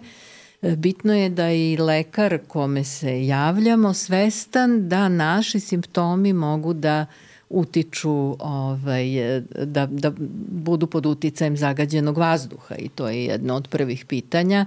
Da li možda radite ili živite? Znači može biti iz radne, može biti iz životne sredine Zato je bitno da imamo ove podatke dostupne u realnom vremenu, naročito za te 24-časovne vrednosti, a inače postoje i, i reference kod nas objavljivane analize, a iz razgovora sa kolegama koji rade u hitnim službama, da kada budu ti, te epizode smoga, jel, to je mešavina od dim i magla, engleskih reči smoke and fog, jel, nije magla, magla je vodena para, ovo je vodena para koja sad zadržava sve te zagađujuće materije. U epizodama smoga su vrlo, vrlo visoki brojevi javljanja ovaj, lekaru, a naravno imamo i reference koje potvrđuju da imamo i višu smrtnost u tim periodima, ne samo kod nas, to je opšte poznati podatak. Od Londona pa nadalje, uh -huh. jeli, koji smo spomenuli. Uh, Tako da se treba javiti, treba se javiti lekaru i naročito oni koji su, koji već imaju određenu terapiju, koji su bolesni jer možda stanje zahteva i hospitalizaciju. A savet je generalno onda ne izlaziti napolje, ne šetati napolju, ne, ne otvarati prozore, ujutru i uveče baš kada je taj e, pritisak takav da kao poklopac, to Milenko lepo objašnjava, drži sve te zagađene materije, uh mhm. -huh. ovaj, zagađujuće materije dole, znači ne vetriti, ne otvarati e, prozore, ne šetati sebe, ne šetati decu, Hoćete da nam objasnite vi to slikovito, taj pa, pa, poklopac? Pa, evo, dobro, već ste pomenule, da. doktorka, e, da znamo svi da su uzroci zagađenja ovi koji su pomenuti. Kod nas najveći ložišta, manje energane, termoelektrični sektor, saobraćaj, industrija. Sve to, delovanje, nesmanjivanje njihovo, dovodi do toga da ako imamo visoke emisije danas, uzimo neke, da je to neki broj 50, za 5 dana nagomilavanja zbog nepojih mete uslova, to znači takozvane temperaturne inverzije, bez vetra, bez padavina, kada sve što je emitovano ostane tu, kao da ima 50 pušača u sobi, ne otvarate prozor. Prosto se nagomilalo. E, imaćemo 250. Ako smanjimo emisije na 20, imaćemo 100. Da li je jasno koliko je važno smanjiti emisije i da znamo svi da meteorologija ne zagađuje, ona može poboljšati ili pogoršati stanje koje je nastalo emisijama i reći ću u Srbiji, nečinjenjem institucija, ali s druge strane imamo i geografski faktor. Ti gradovi se nalaze u kotlinama, pa to je nepromenjivo. Postoji još jedna zavera, ili bolje rečeno teza, da, je za sve, da su za sve krive klimatske promene. Pošto klimatske promene, statistika meteoroloških parametara u dugom nizu godina, pre svega 30 godina je taj standardni klimatski period, mi ne možemo da utičemo, to je viša sila za nas. Klimatske promene zagađuju e, emisije, odnosno zagađaj vazduh, uzrokuje i pogoršava klimatske promene, ne obrnuto. Da. Tako da sve Upravo. je to lakše reći da to nije u moje nadležnosti, eto, ceo svet se bori za tim, ja ne mogu. Znači imamo uvek opravdanja nemušta, a ne opravdanja za svoje nedelovanje na zaštiti zdravlja građana. I smanjenjem sagorevanja fosilnih goriva, što je suština emitovanja i gasova staklene bašte, smanjenjem tih emisija se poboljšava i kvalitet vazduha jer se smanjuje i nivo čestica koje se emituju. To je ono, kažu englezi, double win i to je poznato u literaturi, ta je dupla dobit e, kad se smanje e, emisije i smanji se upotreba fosilnih goriva, da imamo dobitak i za kvalitet vazduha koji je naročito vidljiv ili najviše lokalno i to je ta lokalna dobit i globalno smanjuje se emisija gasova staklene bašte. Znači iste su metode kojima se treba boriti protiv jedne i druge pojave koliko informacija, ali nismo još završili. Hvala vam novim informacijama i hvala što ovako otvoreno pričate o ovome. E, malo pre smo pominjali e, tu moguću prevenciju, šta svaki pojedinac može da uradi. Međutim, iako ovo nije tema baš za nas, nego za psihijatri i psihologe, ja mislim da to svakako utiče na mentalno zdravlje, jer meni kada kažete da ne smem da izlazim iz kuće, a ja inače radim od kuće, ja sam automatski ceo dan u, u, u stanu i ceo dan i ne vidim nikoga, meni je to automatski za mentalno zdravlje veliki udarac na mentalno zdravlje. Ne kad je jedan dan u pitanju, ali kada je to konstantno, kada ja moram da proveravam na raznim sajtovima, aplikacijama, super što ne postoje, ali e, da, koliko nas to opterećuje i na tom mentalnom nivou, a samim tim to sve utiče i na nivo stresa, hroničnog, koliko to utiče na nas, šta vi mislite? Naravno da je visok e, nivo i, i stresa i utiče i, na, i, i mentalno, zato i kažemo da to nisu uh, javnozdravstveni predlozi kojima se rešava problem. Problem se rešava smanjenjem zagađenja tamo gde se emituje problem. Znači to smanjenjem emisija i to stalno ponavljamo. Mm -hmm, to. Sve drugo, ja sam jednom ovaj, to uporedila sa sve drugo što se primenjuje kao gašenje požara sa kofom vode. Znate, imate avione i sve ono i onda vi dođete još dodate jednu kofu, eto to ja mogu da uradim. Znači, da ne otvorim prozor, da, da možda ovaj, ne idem automobilom, danas kada već znam da je tako jako zagađeno, pa se onda pitam, ha, ali onda ću hodati, pa ću biti fizički aktivniji, pa da li možda po ovakvom zagađenom vazduhu to smeta? Pa da, smeta, čak i ako ste zdravi. Tako da tu ima niz e, faktora e, koje mi možemo da uradimo, ali to je gašenje požara kofom. Ono što mora da se uradi je da se smanje emisije. Da, jer izgleda da smo zaboravili da dišemo, svi dišemo plitko, što u ovoj situaciji nije toliko ni loše. A ne možemo reći nemojte da dišete. Tako je, tako, tako je. Da, pa mislim čekamo da nam to jave to na nacionalnim frekvencijama. Javit će nam to neko možda kad izađe, pa nemojte da dišete.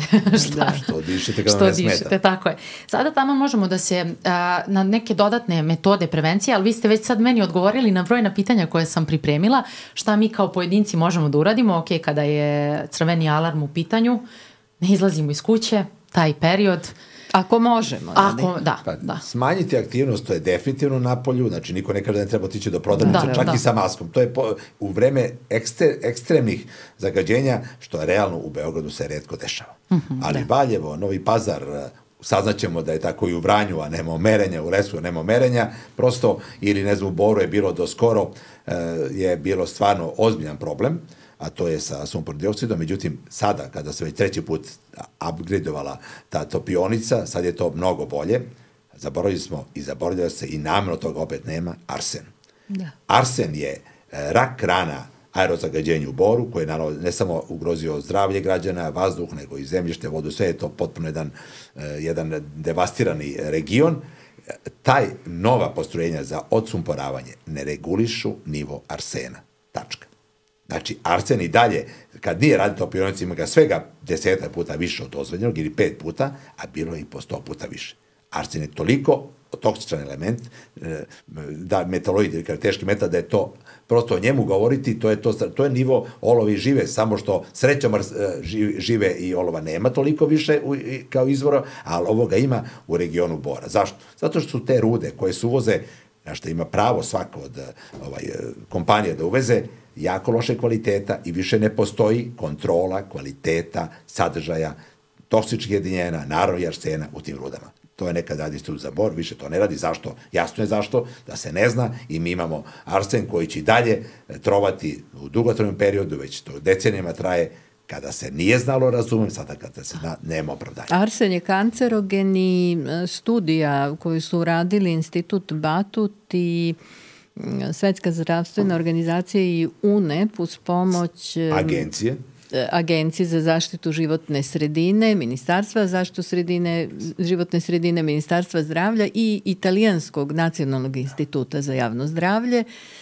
e, došli su do zaključka da je e, učestalost incidenca javljanja svih karcinoma u Boru viša nego u Republici Srbiji osim za karcinom kože. I to su zaista zabrinjavajući podaci i to je glavni uzrok je u stvari ta ogromna koncentracija arsena, ako se dobro sećam, ima tu i kadmijuma, i hroma, i nikla, i, i svi su kancerogeni. Znači, još od, dodatno otežava situaciju. Samo njih ima svega jedan do dva, tri puta više. A, a arsena ovog... ima više struko više i po zvaničnim podacima koji su evo uvek dostupni iz godine u godinu. To sve znaju institucije, to zna da, vlada, to ministarstvo, to svi znaju. Radi. Naravno, lekari, ma treba reći da leče, ali ne mogu valjda lekari sprečavati emisije toga.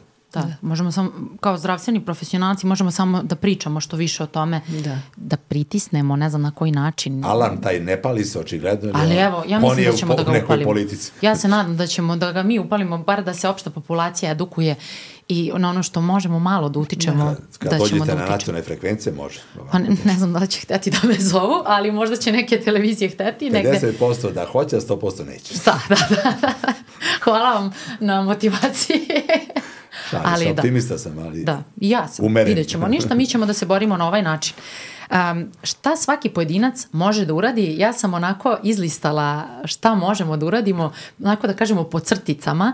Ako hoćete, meni je lepše vas da slušam nego ja da pričam pored ovoga što ste rekli da, da se ona dva, zatvara. dva pitanja glavna koja često nama postavljaju, Milenko je već ispomenuo maske, da ima smisla staviti masku i to onu KN95, to je i maska koja je nastala um, kao zaštita u radnoj sredini, ali gde, gde kad je izloženost tim um, česticama visoka. E, međutim, to ne može biti javno zdravstveno rešenje i savet, zato što se ne može živeti pod maskama, deca ne mogu nositi maske, ne može se biti aktivan pod maskama. To je jedno nužno zlo ako moramo da izađemo u prodavnicu ili da odemo do autobusa da bismo otišli na posao, a imamo ovaj alarm da su ne znam, 5-6 puta i više premašene srednje dnevne koncentracije PM2,5,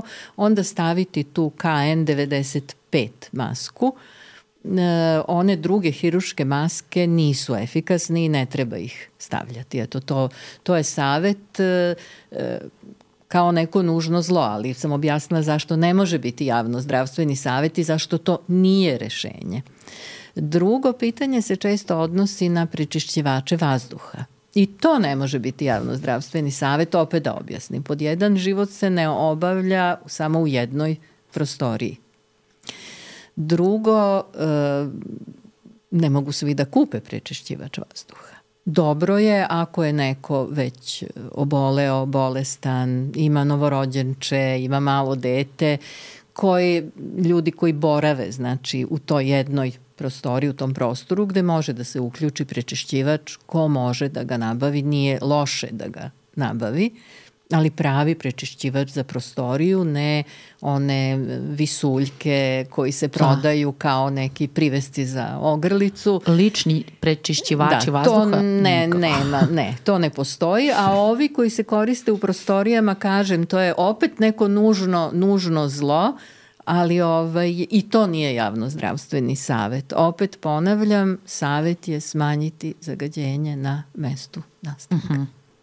Da li vi imate nešto da dodate? Šta možemo, kako, pored pa, informisanja? Put, da, da, prvi put je e, država, vlada Republike Srbije ovim famoznim programom zaštite vazduha od 22. do 30. godine u prvoj rečeci priznala da ima problem sa zagađenjem vazduha, koje negativno utiče, odnosno ugrožava zdravlje građana. Sve dotle je bila improvizacija, manje i više istatuhih ili neistatuhih političkih pojedinaca, da bi tu rekli imamo strašan problem. To nabavka prečišćača u Beogradu za u vrtići, tako da je samo pokazuje koliko je ozbiljan problem.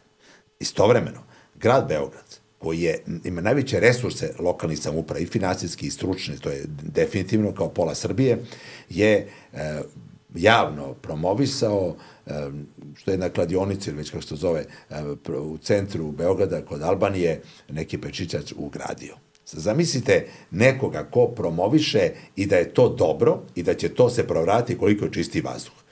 To, e, to je kao kad biste rekli da ćete da pročistite e, Savu ili Dunav zagađeni sa onom malom cediljkom za da, čaj. Da, da, da, I to, to neko ladno govore da je to ima e, efekta, znajući da je iznad Beograda, koji je najmanje 10 puta 10 km površine, najmanje i više je, sa visinom od par stota metra zagađenja, koliko je to kubik kilometara koji treba da prođu, a to recimo kapacitet treba jedno milion tih da bi pročistilo i da se ništa ne pomera i da budu baš na toj visini prećenja. Znači, to su takve pošto gluposti a koga staju državne institucije. Nije to sada, što je, svaka čast Mozartu, kog sećam on isto radi, što je to dao, ali to nema nikakvu funkciju. Apsolutno i tu se isto pro... na taj da. način ako mene pitate tu se promovišu i bolesti i zavisnosti tako da to ja, pitajte gospodina to, Jokića nećemo, koji reklamira tome, to je da, dodatno to je evo ja bih dodala ja na primjer imate ih. mere to možda možemo spomenuti ovaj ako bi nas pitali ili ako bi slučajno neko slušao uh,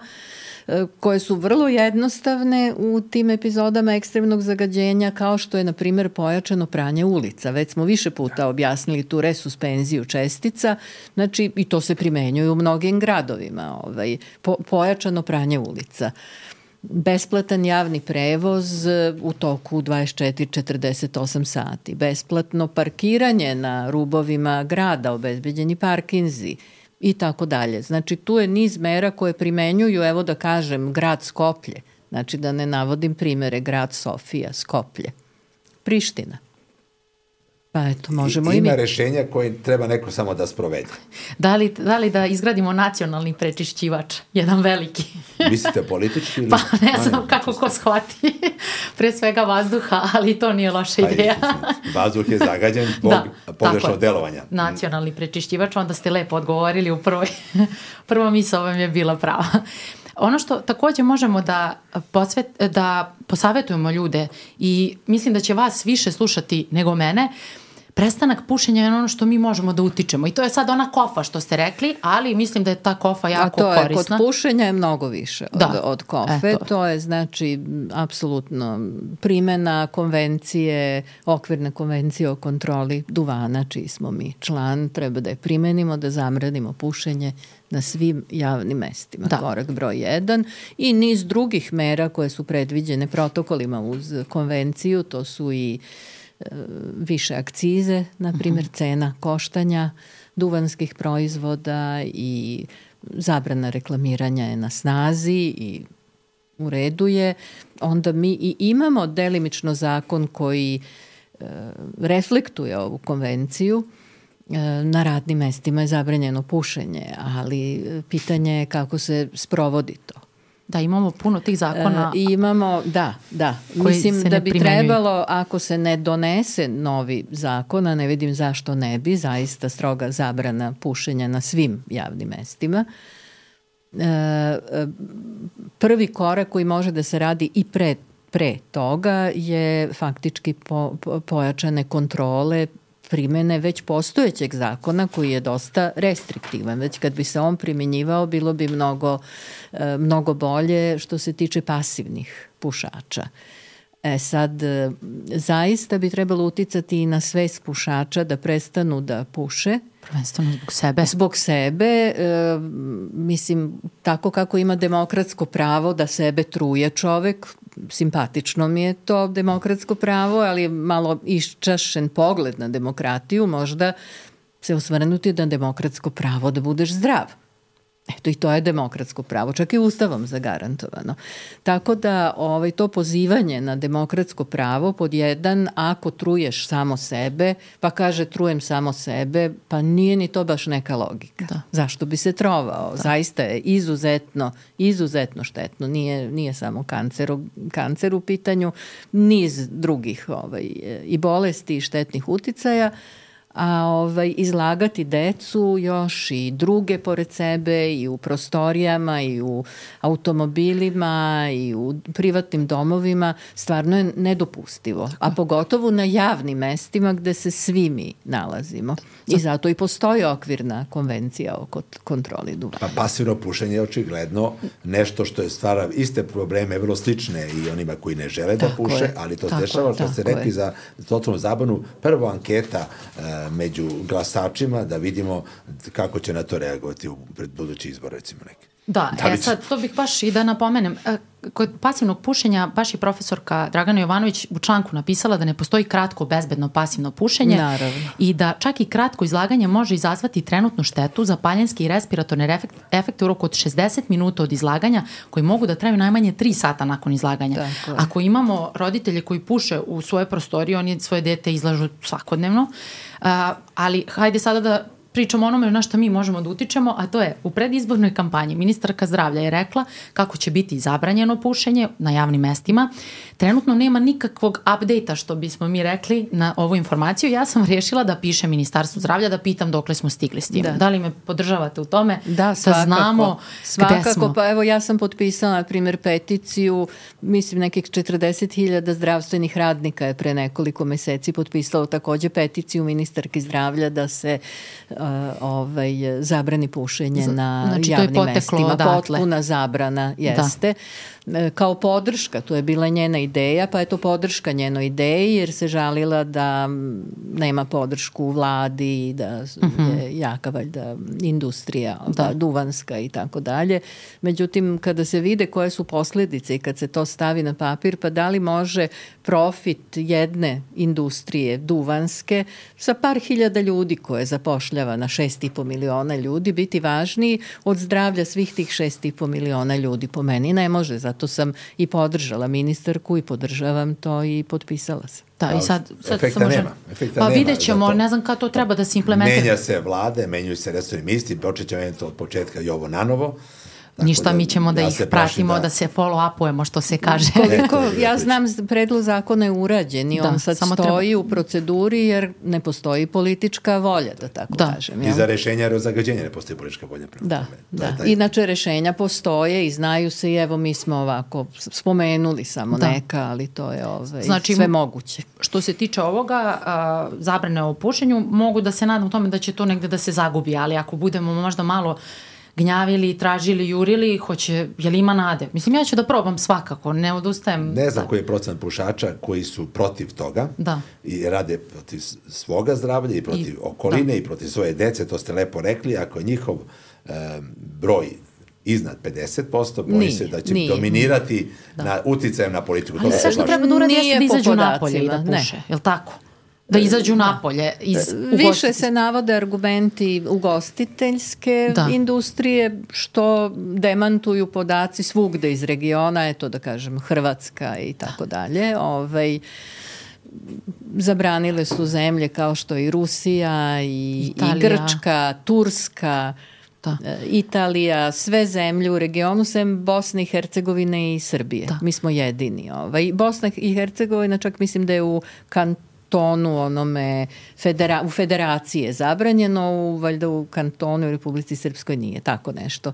E, u svakom slučaju to ne stoji kao argument profit duvanske industrije, pa nek Biće vode, svako. nek oni razmišljaju o svom profitu, mislim, da. Jeli? Tako je. A, ovaj, a mi smo obavezi da razmišljamo o zaštiti zdravlja svih građana. Apsolutno se slažem. I sada kad sam, kada sam bila skoro u Italiji, Niko se ne buni za to. Ljudi izađu napolje, zapale cigaretu, elektronsku cigaretu isto napolju, svi to rade, niko se ne buni, pritom i to je bolje za njihovo zdravlje, jer ljudi kad izađu u grad, oni samo pale jednu za drugom što i nema potrebe, tako da će biti dvostruki benefit. Da neki, niko im ne zabranjuju da puše, samo neka izađu napolje i to nije malo da se i osveže i da izađu da pričaju s drugim ljudima i tako. Mislim, stvarno ne vidim... Ogroman broj stranaca koji dolaze ovde se u stvari upravo žale na, na to kad izađu u Beogradu u restorane, u kafiće, u klubove, da ne mogu da dišu od, od duvanskog dima. Tako da ako govorimo o turizmu, mislim i to treba uzeti Tako u obzir. Ne? I, te, I to je, to je masovno. Znači ako čitate portale, pa turističke izveštaje, pa preporuke za Beograd, uvek ima to, ali ne može se disati od duvanskog dima. Da, da, da. Pisat ćemo, pratit ćemo, ja ću vas da obavestim kako stojimo sa tim. A, sada ka, ja kao farmaceut da dam moj mali doprinos za zaštitu, iako ne znam koliko to može da pomogne. A, malo pre smo pominjali respiratornu mikrobiotu i a, probiotici su dobri u prevenciji tih već nastalih problema i u stvari u prevenciji i u ublažavanju već nastalih problema. I ja sam sa profesorkom u prošloj epizodi pričala baš o respiratornoj mikrobioti koji su um, probiotici dobri za uh, baš respiratorni sistem i pronašla sam informaciju da su to probiotici lactobacillus vrste i bifidobakterijum vrste i to je baš taj moment ljudi uglavnom misle da je ta mikrobiota važna samo za digestivni trakt, važna i za respiratorni trakt, I za kožu za sve. i za I sve, sve ceo organizam komunicira zajedno i uh, crijeva i pluća su povezana preko orofarinksa, preko krvi uh, i preko, sad da ne komplikujem, nervusa vagusa, to zove što sluša slušaju ove moje štrebere.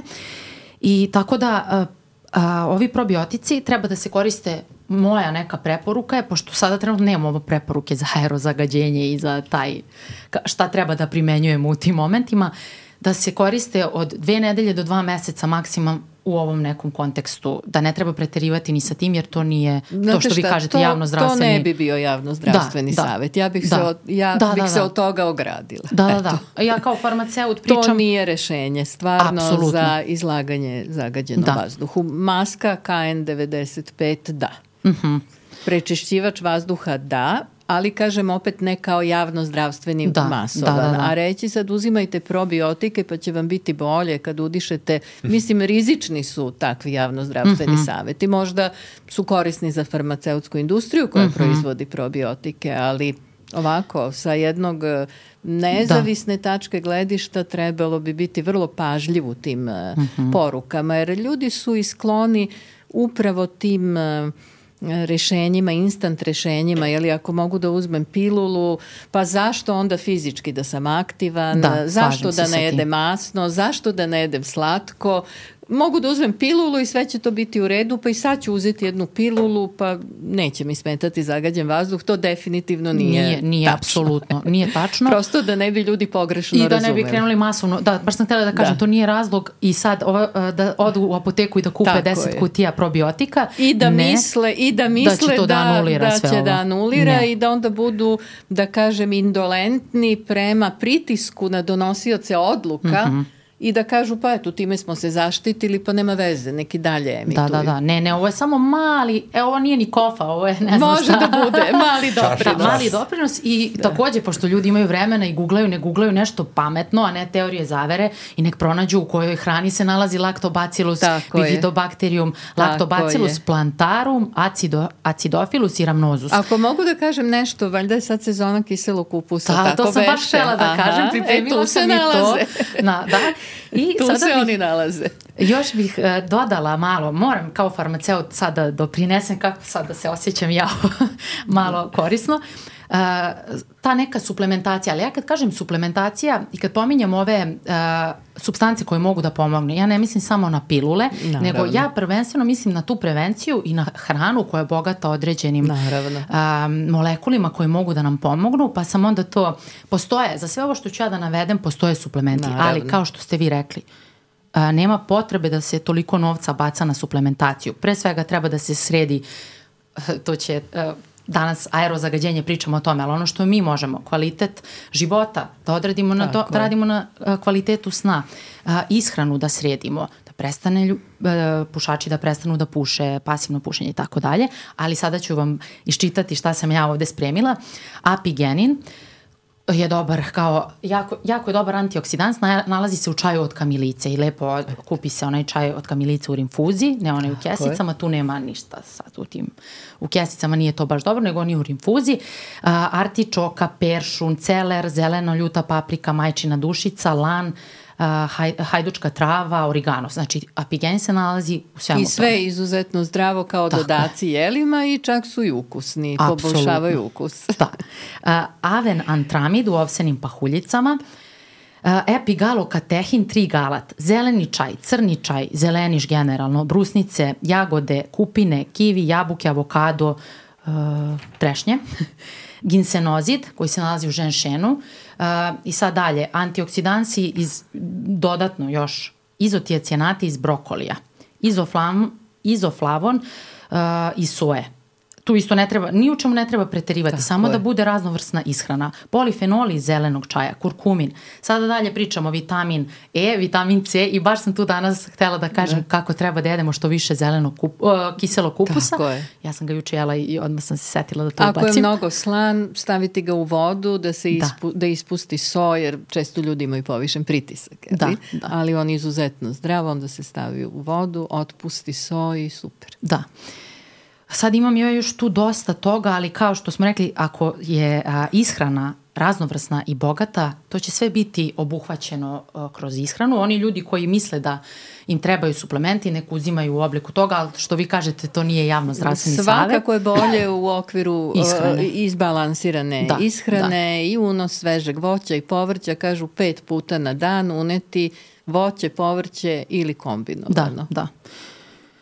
Ja bih samo, moram da dodam, cink i selen da imaju uh, veliki uticaj na uh, imunološki sistem. Da. Dobar uticaj. Sad, kažem, ko kako hoće to da unosi, to je na ljudima. Ja Tako se u to je. ne bih mešala. Isto savetujem uvek prevenciju i zdravu ishranu pre nego da bacamo novac i da se ulenjimo, što se kaže Tako kad se je. misli da će nas, nam Ja sam juče kupio cink, znači bacio sam novac, vratit ću, tražiti. A verujem da vi živite onako aktivno i zdravo Sad, šta to znači aktivno? pa da... Šali se, stvarno, ne pušam se, ne pijem, ne drogiram se, da, i kasno da počnem. Možete ovaj, koristiti suplemente, samo ne treba ne, preterivati se, u tome. Definitivno magaziju možda ponekad, zbog toga što ponekad idem još uvijek na neke sportove, to je malo mi nedostaje, ali to ništa nije da. strašno. To se Prosto, zove racionalna suplementacija i to je u redu. povremeno. Ono što je re, re, malo u vezi probiotika, naravno kao metrolog nemam nikakve veze sa medicinom, sem preko nekih bivših supruga, ali ovaj, e, definitivno e, preko poznate naše i meni drage prijateljice pedijatra, izuzetno je važan probiotic su važi ovi koji ste pomenuli da, da. za imunitet. Da. Bez ob, nikakve sa aerozagađenja i to može sprečiti, to je već rečeno. Prosto e, u crevnom, u probavnom traktu se nalazi ključ čitavog imuniteta, to je dokazano, kad kojim ovaj, analizama, odnosno radove, to ne ulazimo u sve to, prosto mi je rekao savjetu, daj deci pred uh, zimske, ove, to je bilo pre nekog godina, pre zimske gripove, da ne kažem, ne računajući koronu, to je posebna priča, uh, i stvarno su postali, uh, po dva, tri meseca su pili od oktobra, recimo, svakog dana, i to da bude najmanje 5 milijarde, ću reći, tih dobrih bakterija, ne 10, ne 50, ne 2, to je nedovoljno, da to diže imunitet ozbiljno. Na kojim mehanizmom, ne ulazim u to, niti znam, ali da je nije štetan i da je koristan, to je sigurno. Jeste, ali treba ograničiti primjenu, jer sada svi e, promovišu to, čak nam je i predsednik u predizbornoj kampanji to promovisao, mi smo baš se iznervirali, jer se to delilo šakom i kapom, da. što nije u redu, jer se baš tako, uh, onda narod misle, ja ću ovo da popijem i bit će sve sve u redu. Da, pa to je najveća. To je najveća zamka, da. ovaj, da verujem u te čarobne pilule, da. što je ljudski, ali svi da. to volimo, ali u suštini sve ovo što ste spomenuli je da. Veoma važno. I probiotike imamo i u jogurtu, u a, kiselom je. kupusu, u nekim Tako tamo je. ona kimči supa, to stalno pominje, ne znam ni šta je, nego gledaju ljudi. To Ima... je isto kiseli kupus, samo je napravljena od toga kao što mi zovemo kuvan kiseli Et, kupus. Jel? Kimči je kiseli kupus koreanski. Et, hvala vam, sad ste mi... Svatarski koreanski. Svatarski da. koreanski, da.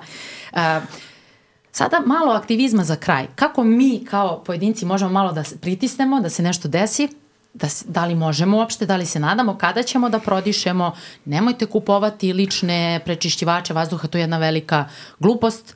Skoro sam i čula za to, videla sam to da se u svijetu promoviše, mislim sam, a oni tamo, Amerikanci, se, pecaju na to kad evo stiglo i kod nas. Ja sam malo tražila, košta 20-30 hiljada ljudi, molim vas, molim vas, nemojte da nasedate. Nemojte žaliti pare za to. Nikako, za kasnije kad saznate, da, za još jednu glupost, nego bolje uložiti e, to uložite vreme, vreme čak ni ne košta toliko da uložite u edukaciju, nego da kupuju Jer te gluposti. na planinu gore čiste to, Evo ga pitanje, pogledajte, da li je selitba u planine i na sela neko potencijalno rešenje? Da jeste, jeste. svi na selo. Ili na Svakak. planinu, jer kad sam otišla na planinu, pošto sam pominjala one zvezde, kad sam videla ona sazvežđa, pošto ja mnogo volim to, ja sam se oduševila i ne mogu da verujem koliko smo uskraćeni da ne vidimo apsolutno ništa. Čak i u manjim mestima, ja sam inače iz Omoljice, pomenuli ste vi malo pre Azotaru, to je blizu nas, i nas često zovu iz okoline Omoljice, uh, okolina Pančeva zovu nas ozračeni, tako kad sam išla u srednju mm. školu zovu nas ozračeni, zato što zbog tih fabrika Blizine. koje su bile, da. Čak se ni tamo ne vidi nebo toliko lepo u Beogradu da ne pričam, a kad odem na planinu ja se odušim šta sve ima da se vidi. Da, to je zagađenje i svetlom, da, znate, da, u gradovima, da, da. ne samo zagađenje mm -hmm. vazduha, a otići u prirodu, e, selo, planina i ono što je opet bitno da se vratimo u gradove, količina zelenih površina u gradovima izuzetno e, blagotvorno deluje, ne samo u smislu prečišćavanja vazduha prirodnog, ali, nego zbog fizičke aktivnosti kretanja i tako dalje, tako da je dostupnost zelenih površina u gradovima izuzetno bitna i ne treba ih seći ja sam, kad smo već kod toga, pronašla podatak, količina drveća koja trenutno postoji u Beogradu, gradu od 1,6 miliona ljudi, proizvodi kiseonik koji je dovoljan za samo 310.000 građana. Da. Zelenih površina ima ukupno 12%, od čega su 10% šume koje se nalaze na obodima grada, a samo 2% čini ostalo zelenilo. Upravo tako i ovaj, više ne važi za Beograd da je zeleni grad, važilo je nekada kad je imao tri put manje stanovnika i i više zelenih površina, znamo da su mnoge, mnoge posečene. Evo sad su ideje i Košutnjačka šuma tamo gde ja živim blizu da se seče, pa smo se isto bunili, spomenuli ste aktivizam, da. izgleda sve mora na taj način, pa, pa je kao zaustavljeno, pa vidjet ćemo da li će da. biti zaustavljeno. Ako tre, kad bude trebala pomoć, vi nam javite. Što se tiče ovaj, upravo toga uh, zelenih površina, odnosno nesporno je da grad, Beograd i svaki grad, i svaka opština, svaka veća nacija treba ima što više zelena. Koliko Absolut. je to moguće, nikako smanjuje samo povećavanje, ali takođe treba znati da nam zele, da je drveće koga, koje je uglavnom u Beogradu kao i većini gradova zimzeleno zimi, kada je najveće zagađenje, ne može pomoći jer nema lišća. Naravno. Znači da se ne lažemo da, da će pošumljavanjem Beograda, pravljanjem prašume biti rešeno ono što samo može reši emisijama. Da. To je smanjenje emisije, tako da tu nema nikakve alternative e, za, tako, za ta, onaj pravi pristup rešenju zagađenja, a to što će nam promovisati neko nešto kao lažu alternativu ili da smo nemoćni, to potpuno je nebitno. Kada smo kod te sadnje drveća, ja sam prva, ja pričam stalno o tome kako ne treba da se upecamo, ja se prva upecam. Uh, jednom neke tako velike kompanije su organizovale sadnju drveća. Mi smo otišli tamo i onda smo shvatili da mi sadimo drveće, ono što će brzo da izraste sad, ne znam, negde tamo u nekim njivama, kako bi oni to posekli za to neko... A, za drvo, da prodaju kao drvo. Za dobijanje drveta, celuloze, dalje. Koje je to razočarenje onda, da. jer i onda se, kao sadimo drveće, radimo nešto dobro i onda kad shvatiš, ja ne mogu više te akcije da promovišem kao na društvenim mrežama jer onda shvatiš da je to samo za mas zlopotrebljeni. Ako je cilj da će biti posečeno. Da, da, da jer sam ja mislila da to ćemo negde da se da sadimo negde u gradu, da će to da izraste, pa da ja mogu da dođem da vidim to drvo nekad da pokažem nekad u budućnosti svoje deci ako ih budem imala. Vidite u, kad ono ništa. stola nekoga ćete da, vidjeti da, to drvo. Da. I nećemo znati Treba gde. Treba znati takođe kad se već sadi drveće, koje se drveće sadi. Tako je. Ne daj Bože, breza je mnogo lepo drvo, ja ga volim, ali breza je jedno najjačih alergena.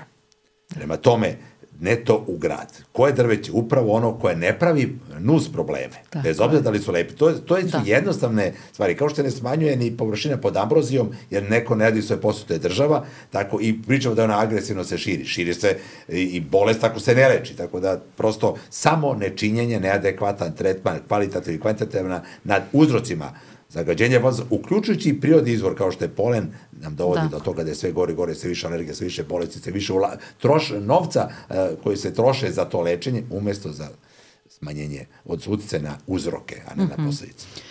Mi smo se sad polako približili kraju, tako da ja bih vas pitala koje su vaše krajnje poruke za a, zdravstvene radnike i pre svega za opštu populaciju i da nam posavetujete šta mi, kako mi malo da pritisnemo, da li uopšte možemo ili se zavaravamo i kada možemo da očekujemo da ćemo da prodišemo? Od prilike. Samo da pogledam, negde 1. maja sigurno. da, kad, kad završi sezona, sezona grejanja, grejanja. i poče, sigurno što se tiče prvo, ono, da duži se u vezi tog aktivizma. Aktivizam je neophodan i u sudu svetu postoji kao jedan paralelni sistem e, civilne kontrole, posećanja i partnerstva države. Kod nas se aktivizam vezuje za neprijateljsku opoziciju. NEA je, Nacionalna asocijacija je zamišljena kao stručna jeste ovaj, dakle, organizacija koja pokušava da da savete svako ko želi da čuje. Počeo od kolega i prijatelja aktivista koji nas često pitaju kako da artikulišu neki problem, da ne bi prosto ja govorio o operacijama na mozgu nego da govori lekar, ali isto, e, institucije ne žele, ne zato što nemaju stručnjaka, oni ne žele da se bave tim očigledno, Da li zato što e, remete neke agende njihove političke, partijske, skoro su imali izjavu, ja mislim da to reka premijerka, da se jedino njihova partija ozbiljno bavi ekologom i zaštitom kvaliteta vazduha. Znači, to reći da je na nivou partije, na nivou države, institucija, je strašno i to je prošlo kao izjava. A savjet je uporno, borba uh, je, što kaže, ne, da ne citiram uh, Voštić iz kralja, lokalni front, mora borba. Znači, moramo se boriti, nema, nema potreba da se predajemo, nema potreba, ako možemo mi, koji su u penziji, da i dalje da pomažemo samo nekim svojim malim znanjem koji želimo da kažemo u situaciji koja je alarmantna. Ne zato što neko želi da pravi svoje karijere, u ovim godinama, nego zato da ohrabrimo te nikakav, ne sme se čutati, ne sme se govoriti laži kao što često slušamo, vidite da istina ipak vrši male pomake, vrlo male, ali vrši. Bez toga bi bilo još gore. Uh mhm. -huh. Ja bih rekla da je zaštita životne sredine jedna tema oko koje bismo svi u društvu mogli da se složimo i trebalo bi da se složimo. I pretpostavljam, ne pretpostavljam, ubeđena sam da će situacija biti bolja kad prvo toga postanemo svesni. Milenko je spomenuo da se e, posmatra kroz prizmu koja stranka više, manje. Prvo, svi smo tome izloženi, e, zaštita životne sredine nije samo pitanje politike, kao ni jedno drugo društveno pitanje. Društvo ne čine samo političke stranke, društvo čine svi građani u državi, mnogi činioci, i društvo čine i stručnjaci. I sad dolazimo na poruku kolegama, lekarima da progovore, da ne ćute o negativnim efektima zagađenja. Ja sam svoju karijeru počela upravo NVO aktivizmom u drugoj polovini 90. godina, jer sam kao lekar radila upravo u tom mnogo puta spomenutom tentu termoelektrane Nikola Tesla i vodila sam njihovu službu medicine rada. I videla sam da radna sredina ima svoje probleme, ali se ti problemi iz radne prelivaju i u životnu sredinu. I tad je bilo strašno stanje i na pepelištima i bilo je užasno. I počeli smo kao aktivizam, kao član nevladinih organizacija. Onda sam bila i radila u institucijama i borila se i na institucionalni način, i mislim da je to jedna velika i značajna stvar jer to je civilizacijska teho, tekovina da imamo stručne nadležne institucije i ne smemo to da zaboravimo. I eto, sada kada sam u penziji, ponovo sam se vratila aktivizmu, eto, učestvovanje i u NEA, i u osnivanju NEA, i u stručnom savetu NEA, i u ovakvim podcastima je isto jedna vrsta aktivizma. Znači, svako od nas ima svoju ulogu i svako treba da da svoj doprinos, jer to je pitanje od opšte društvenog značaja, kao i zdravlje, i zaštita životne sredine i zdravlje. I tu mislim da postoji velika šansa – da postignemo neki nacionalni konsenzus, da kažem. Da se ne delimo po strankama, po godištima, po obrazovanima, neobrazovanima. Mislim, od, svako može da da svoj doprinos i svako trpi posledice da. negativne. Da, da još jednom kažem da ne bude zabune. Svi aktivisti i svi e, stručnjaci koji nisu unutar neke institucije ne mogu doneti i sprovesti odluku umesto državnosti institucija. Tako Oni mogu pomoći, njih treba neko da sluša. E, jedna, moram opet da kažem, jedna Srpska akademija nauka ne može izdati jednu ličnu kartu. A bilo koji činovnik u bilo koji policiji, stanici može. To govori gde je ključ problema. Želimo da pomognemo, ako želite da slušate, natreću da slušate, da. ako ne želite, ali ne može prediti ulogu da. oni koji sprovode odluke i za to odgovaraju. Da. Ljudi, hvala vam što ste slušali, što bismo rekli mi na kraju svake epizode, like, share and subscribe, jako važna tema, tako da delite sa svojim prijateljima.